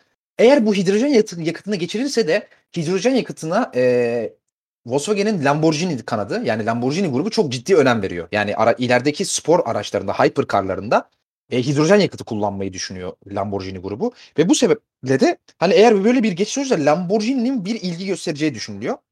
Ama ben buna da çok ihtimal vermiyorum ve o yüzden ben Volkswagen grubunun tamamen yani öylesine o toplantıda yer alacağını düşünüyorum şahsen. Koray sen ne düşünüyorsun bu konuda? Sence bir şey çıkar mı? Abi zaten bu e, senin bahsettiğin e, kural değişiklikleri de 2025 özel değil biraz 2029'da kaydığı için. Hani 2025 zaten bu e, takımların girme olasılığı şu an çok düşük. Hani eğer böyle bir e, geçiş olacaksa bu 2030 olacak. 2025'te bir buna hazırlanalım durumu ben e, hidrojen yakıtlarına tamamen farklı bir yakıt ya da elektrikli oda geçilirse hani Formula 1'den değil başka bir elektrikli seride bunu test ederek ben Formula 1'e gelebileceklerini düşünüyorum. Ama genel Çünkü olarak tamamen- 2025'te bu motorların işi bitiyor ve yeni motorlara geçiliyor ama motorda bir değişiklik olacak yani 2025'te. Hayır hayır, şöyle tamamen böyle e, bir elektrikli seri olma ya da hidrojenle Yok, tabii, e, tabii. Olmadı yani bu böyle bir durum olmadığı için ya eğer Lamborghini ya da Volkswagen grubu böyle bir şey e, böyle bir adım atacaklarsa ben bunu elektrikli serilerde direkt olarak elektrikli ya da e, buna uygun serilerde yapacağını düşünüyorum. Onun için 2025'te buna e, adım atacaklarını düşünmüyorum. Eğer bu e, 2030'da gerçekleşir gerçekleşirse e, o zamanki kurallarda eğer onlar uygun olsa ben bu konuda Lamborghini gelmesini e, ihtimal dahilinde görüyorum. Esra sen ne düşünüyorsun? Sence Volkswagen grubundan bir atak görür müyüz F1'e katılma konusunda? Ee, F1'e değil de elektrikli seriye Koray'ın dediğine katılıyorum. Yani elektrikli seriye anca geçebilir. Yani Formula 1'in tamamen elektrikliye döneceğini düşünmediğim için Formula 1'e gelebileceklerini sanmıyorum. Yani hedefleri doğrultusunda hedefleriyle uyuşmuyor Formula 1'e geçmek. Bu arada şunun da sözünü vermiş olayım. Gelecek gelecek podcast'te, gelecek yarıştan sonra bir 15-20 dakikamızı hatta gerekse yarım saatimizi çok önemli değil. 2025 motor kuralları ile ilgili ne yapılması gerekiyor ve ne yapacağınızı tahmin ediyoruz. Yani tahmin ettiklerimiz ve ne yapılmalı. Bunu bir tartışalım haftaya olur mu? Bunu hiç konuşmadık Olur. çünkü biz. Bu arada ben bir de e, şunu ekleyeyim. E, Lamborghini veya işte Volkswagen e, grubu ile ilgili. Ya tamamen 2025'te belki Formula 1'e girmeye gir- girmeyebilir ama Aston Martin gibi bir proje yaratabilirler. İlk başta işte Red Bull'la e, Formula 1'e girdikleri gibi bu tarz bir proje üzerinden de yürüyebilirler. Yani böyle bir şey olursa da sürpriz olmaz. Yani ba- en önce isim sonra komple takım sahipliği aynen. Bu mantıklı geldi bana şu an. Anladım. Ba- mantık bence de. Bence ama anladığım kadarıyla Volkswagen grubunun hani bunca yıldır girmemesinin sebebi yani herhalde öyle bir mantıkları yok. Onlar böyle daha çok BMW gibi, Toyota gibi böyle kafadan gir girerlerse kafadan girmek istiyorlar herhalde. Anladığım kadarıyla. Yani o yüzden hani böyle yarım bir giriş gibi bir hedefleri yok anladığım kadarıyla. Ya Tek bu hani haberim- şeyden e, Lamborghini özellikle bu konuda e, girme ihtimali 2025'te en yüksek olan takım Porsche. Çünkü Porsche uzun zamandır Formula 1'e girmeye çalışıyor. Abi ben tamamen hava gazı olduğunu düşünüyorum. Ya 30 senedir var. Ben, bu bana da öyle gelmiyor. Çünkü e, son son zamanlarda işte e, en son işte yapılan motor kuralı değişikliğinde vesaire Toyota'sı, BMW'si, Lamborghini'si, işte Volkswagen grubu he, neredeyse bütün böyle sayabileceğin Toyota'sı, BMW'si bütün markalar katıldı. Ama hiçbiri hani sadece toplantı toplantıya katılmakla hepsinin durumu öyle oldu. Porsche'un Formula 1 ile e, ilgili hangi serisiydi? Porsche'un bir serisi Porsche bütün e, seri- hatta bu Ayhan Can Güven'in katıldığı e, yarıştığı seriydi galiba. Tamamen Formula 1'in alt, kat- alt kategorisi olarak e, devam ediyor.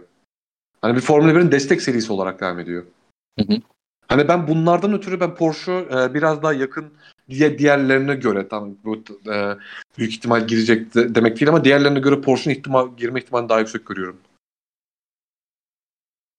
Son bir haberimiz var onu da söyleyelim. Geçen hafta bu çok konuşuldu. Bu aslında bu yarış e, bir önceki Avusturya GP'sinden önce yani bir hafta önceki Avusturya GP'sinden sonra çok konuşuldu bu.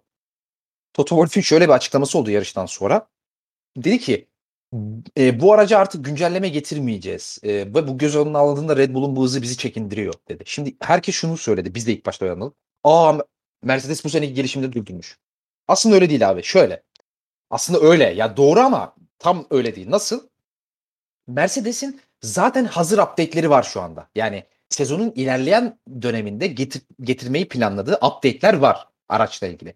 Ancak Toto'nun demek istediği şey şu. Bundan sonra araca getirilecek yeni update çalışmaları olmayacak. Yani yeni parçalar için çalışma yapmayacağız diyor biz. Yani parçalar hazır. Biz zaten araca ekleyeceğimiz update'leri hazırladık. Bundan sonra da yeni parça eklemek için çalışma yapmayacağız diyor. Toto Wolff'ün söyle, söylemek istediği şey bu. Bunun doğrulamasını da bu hafta içi Ellison, James Ellison takımın teknik e, şeyi, e, teknik patronu e, doğruladı.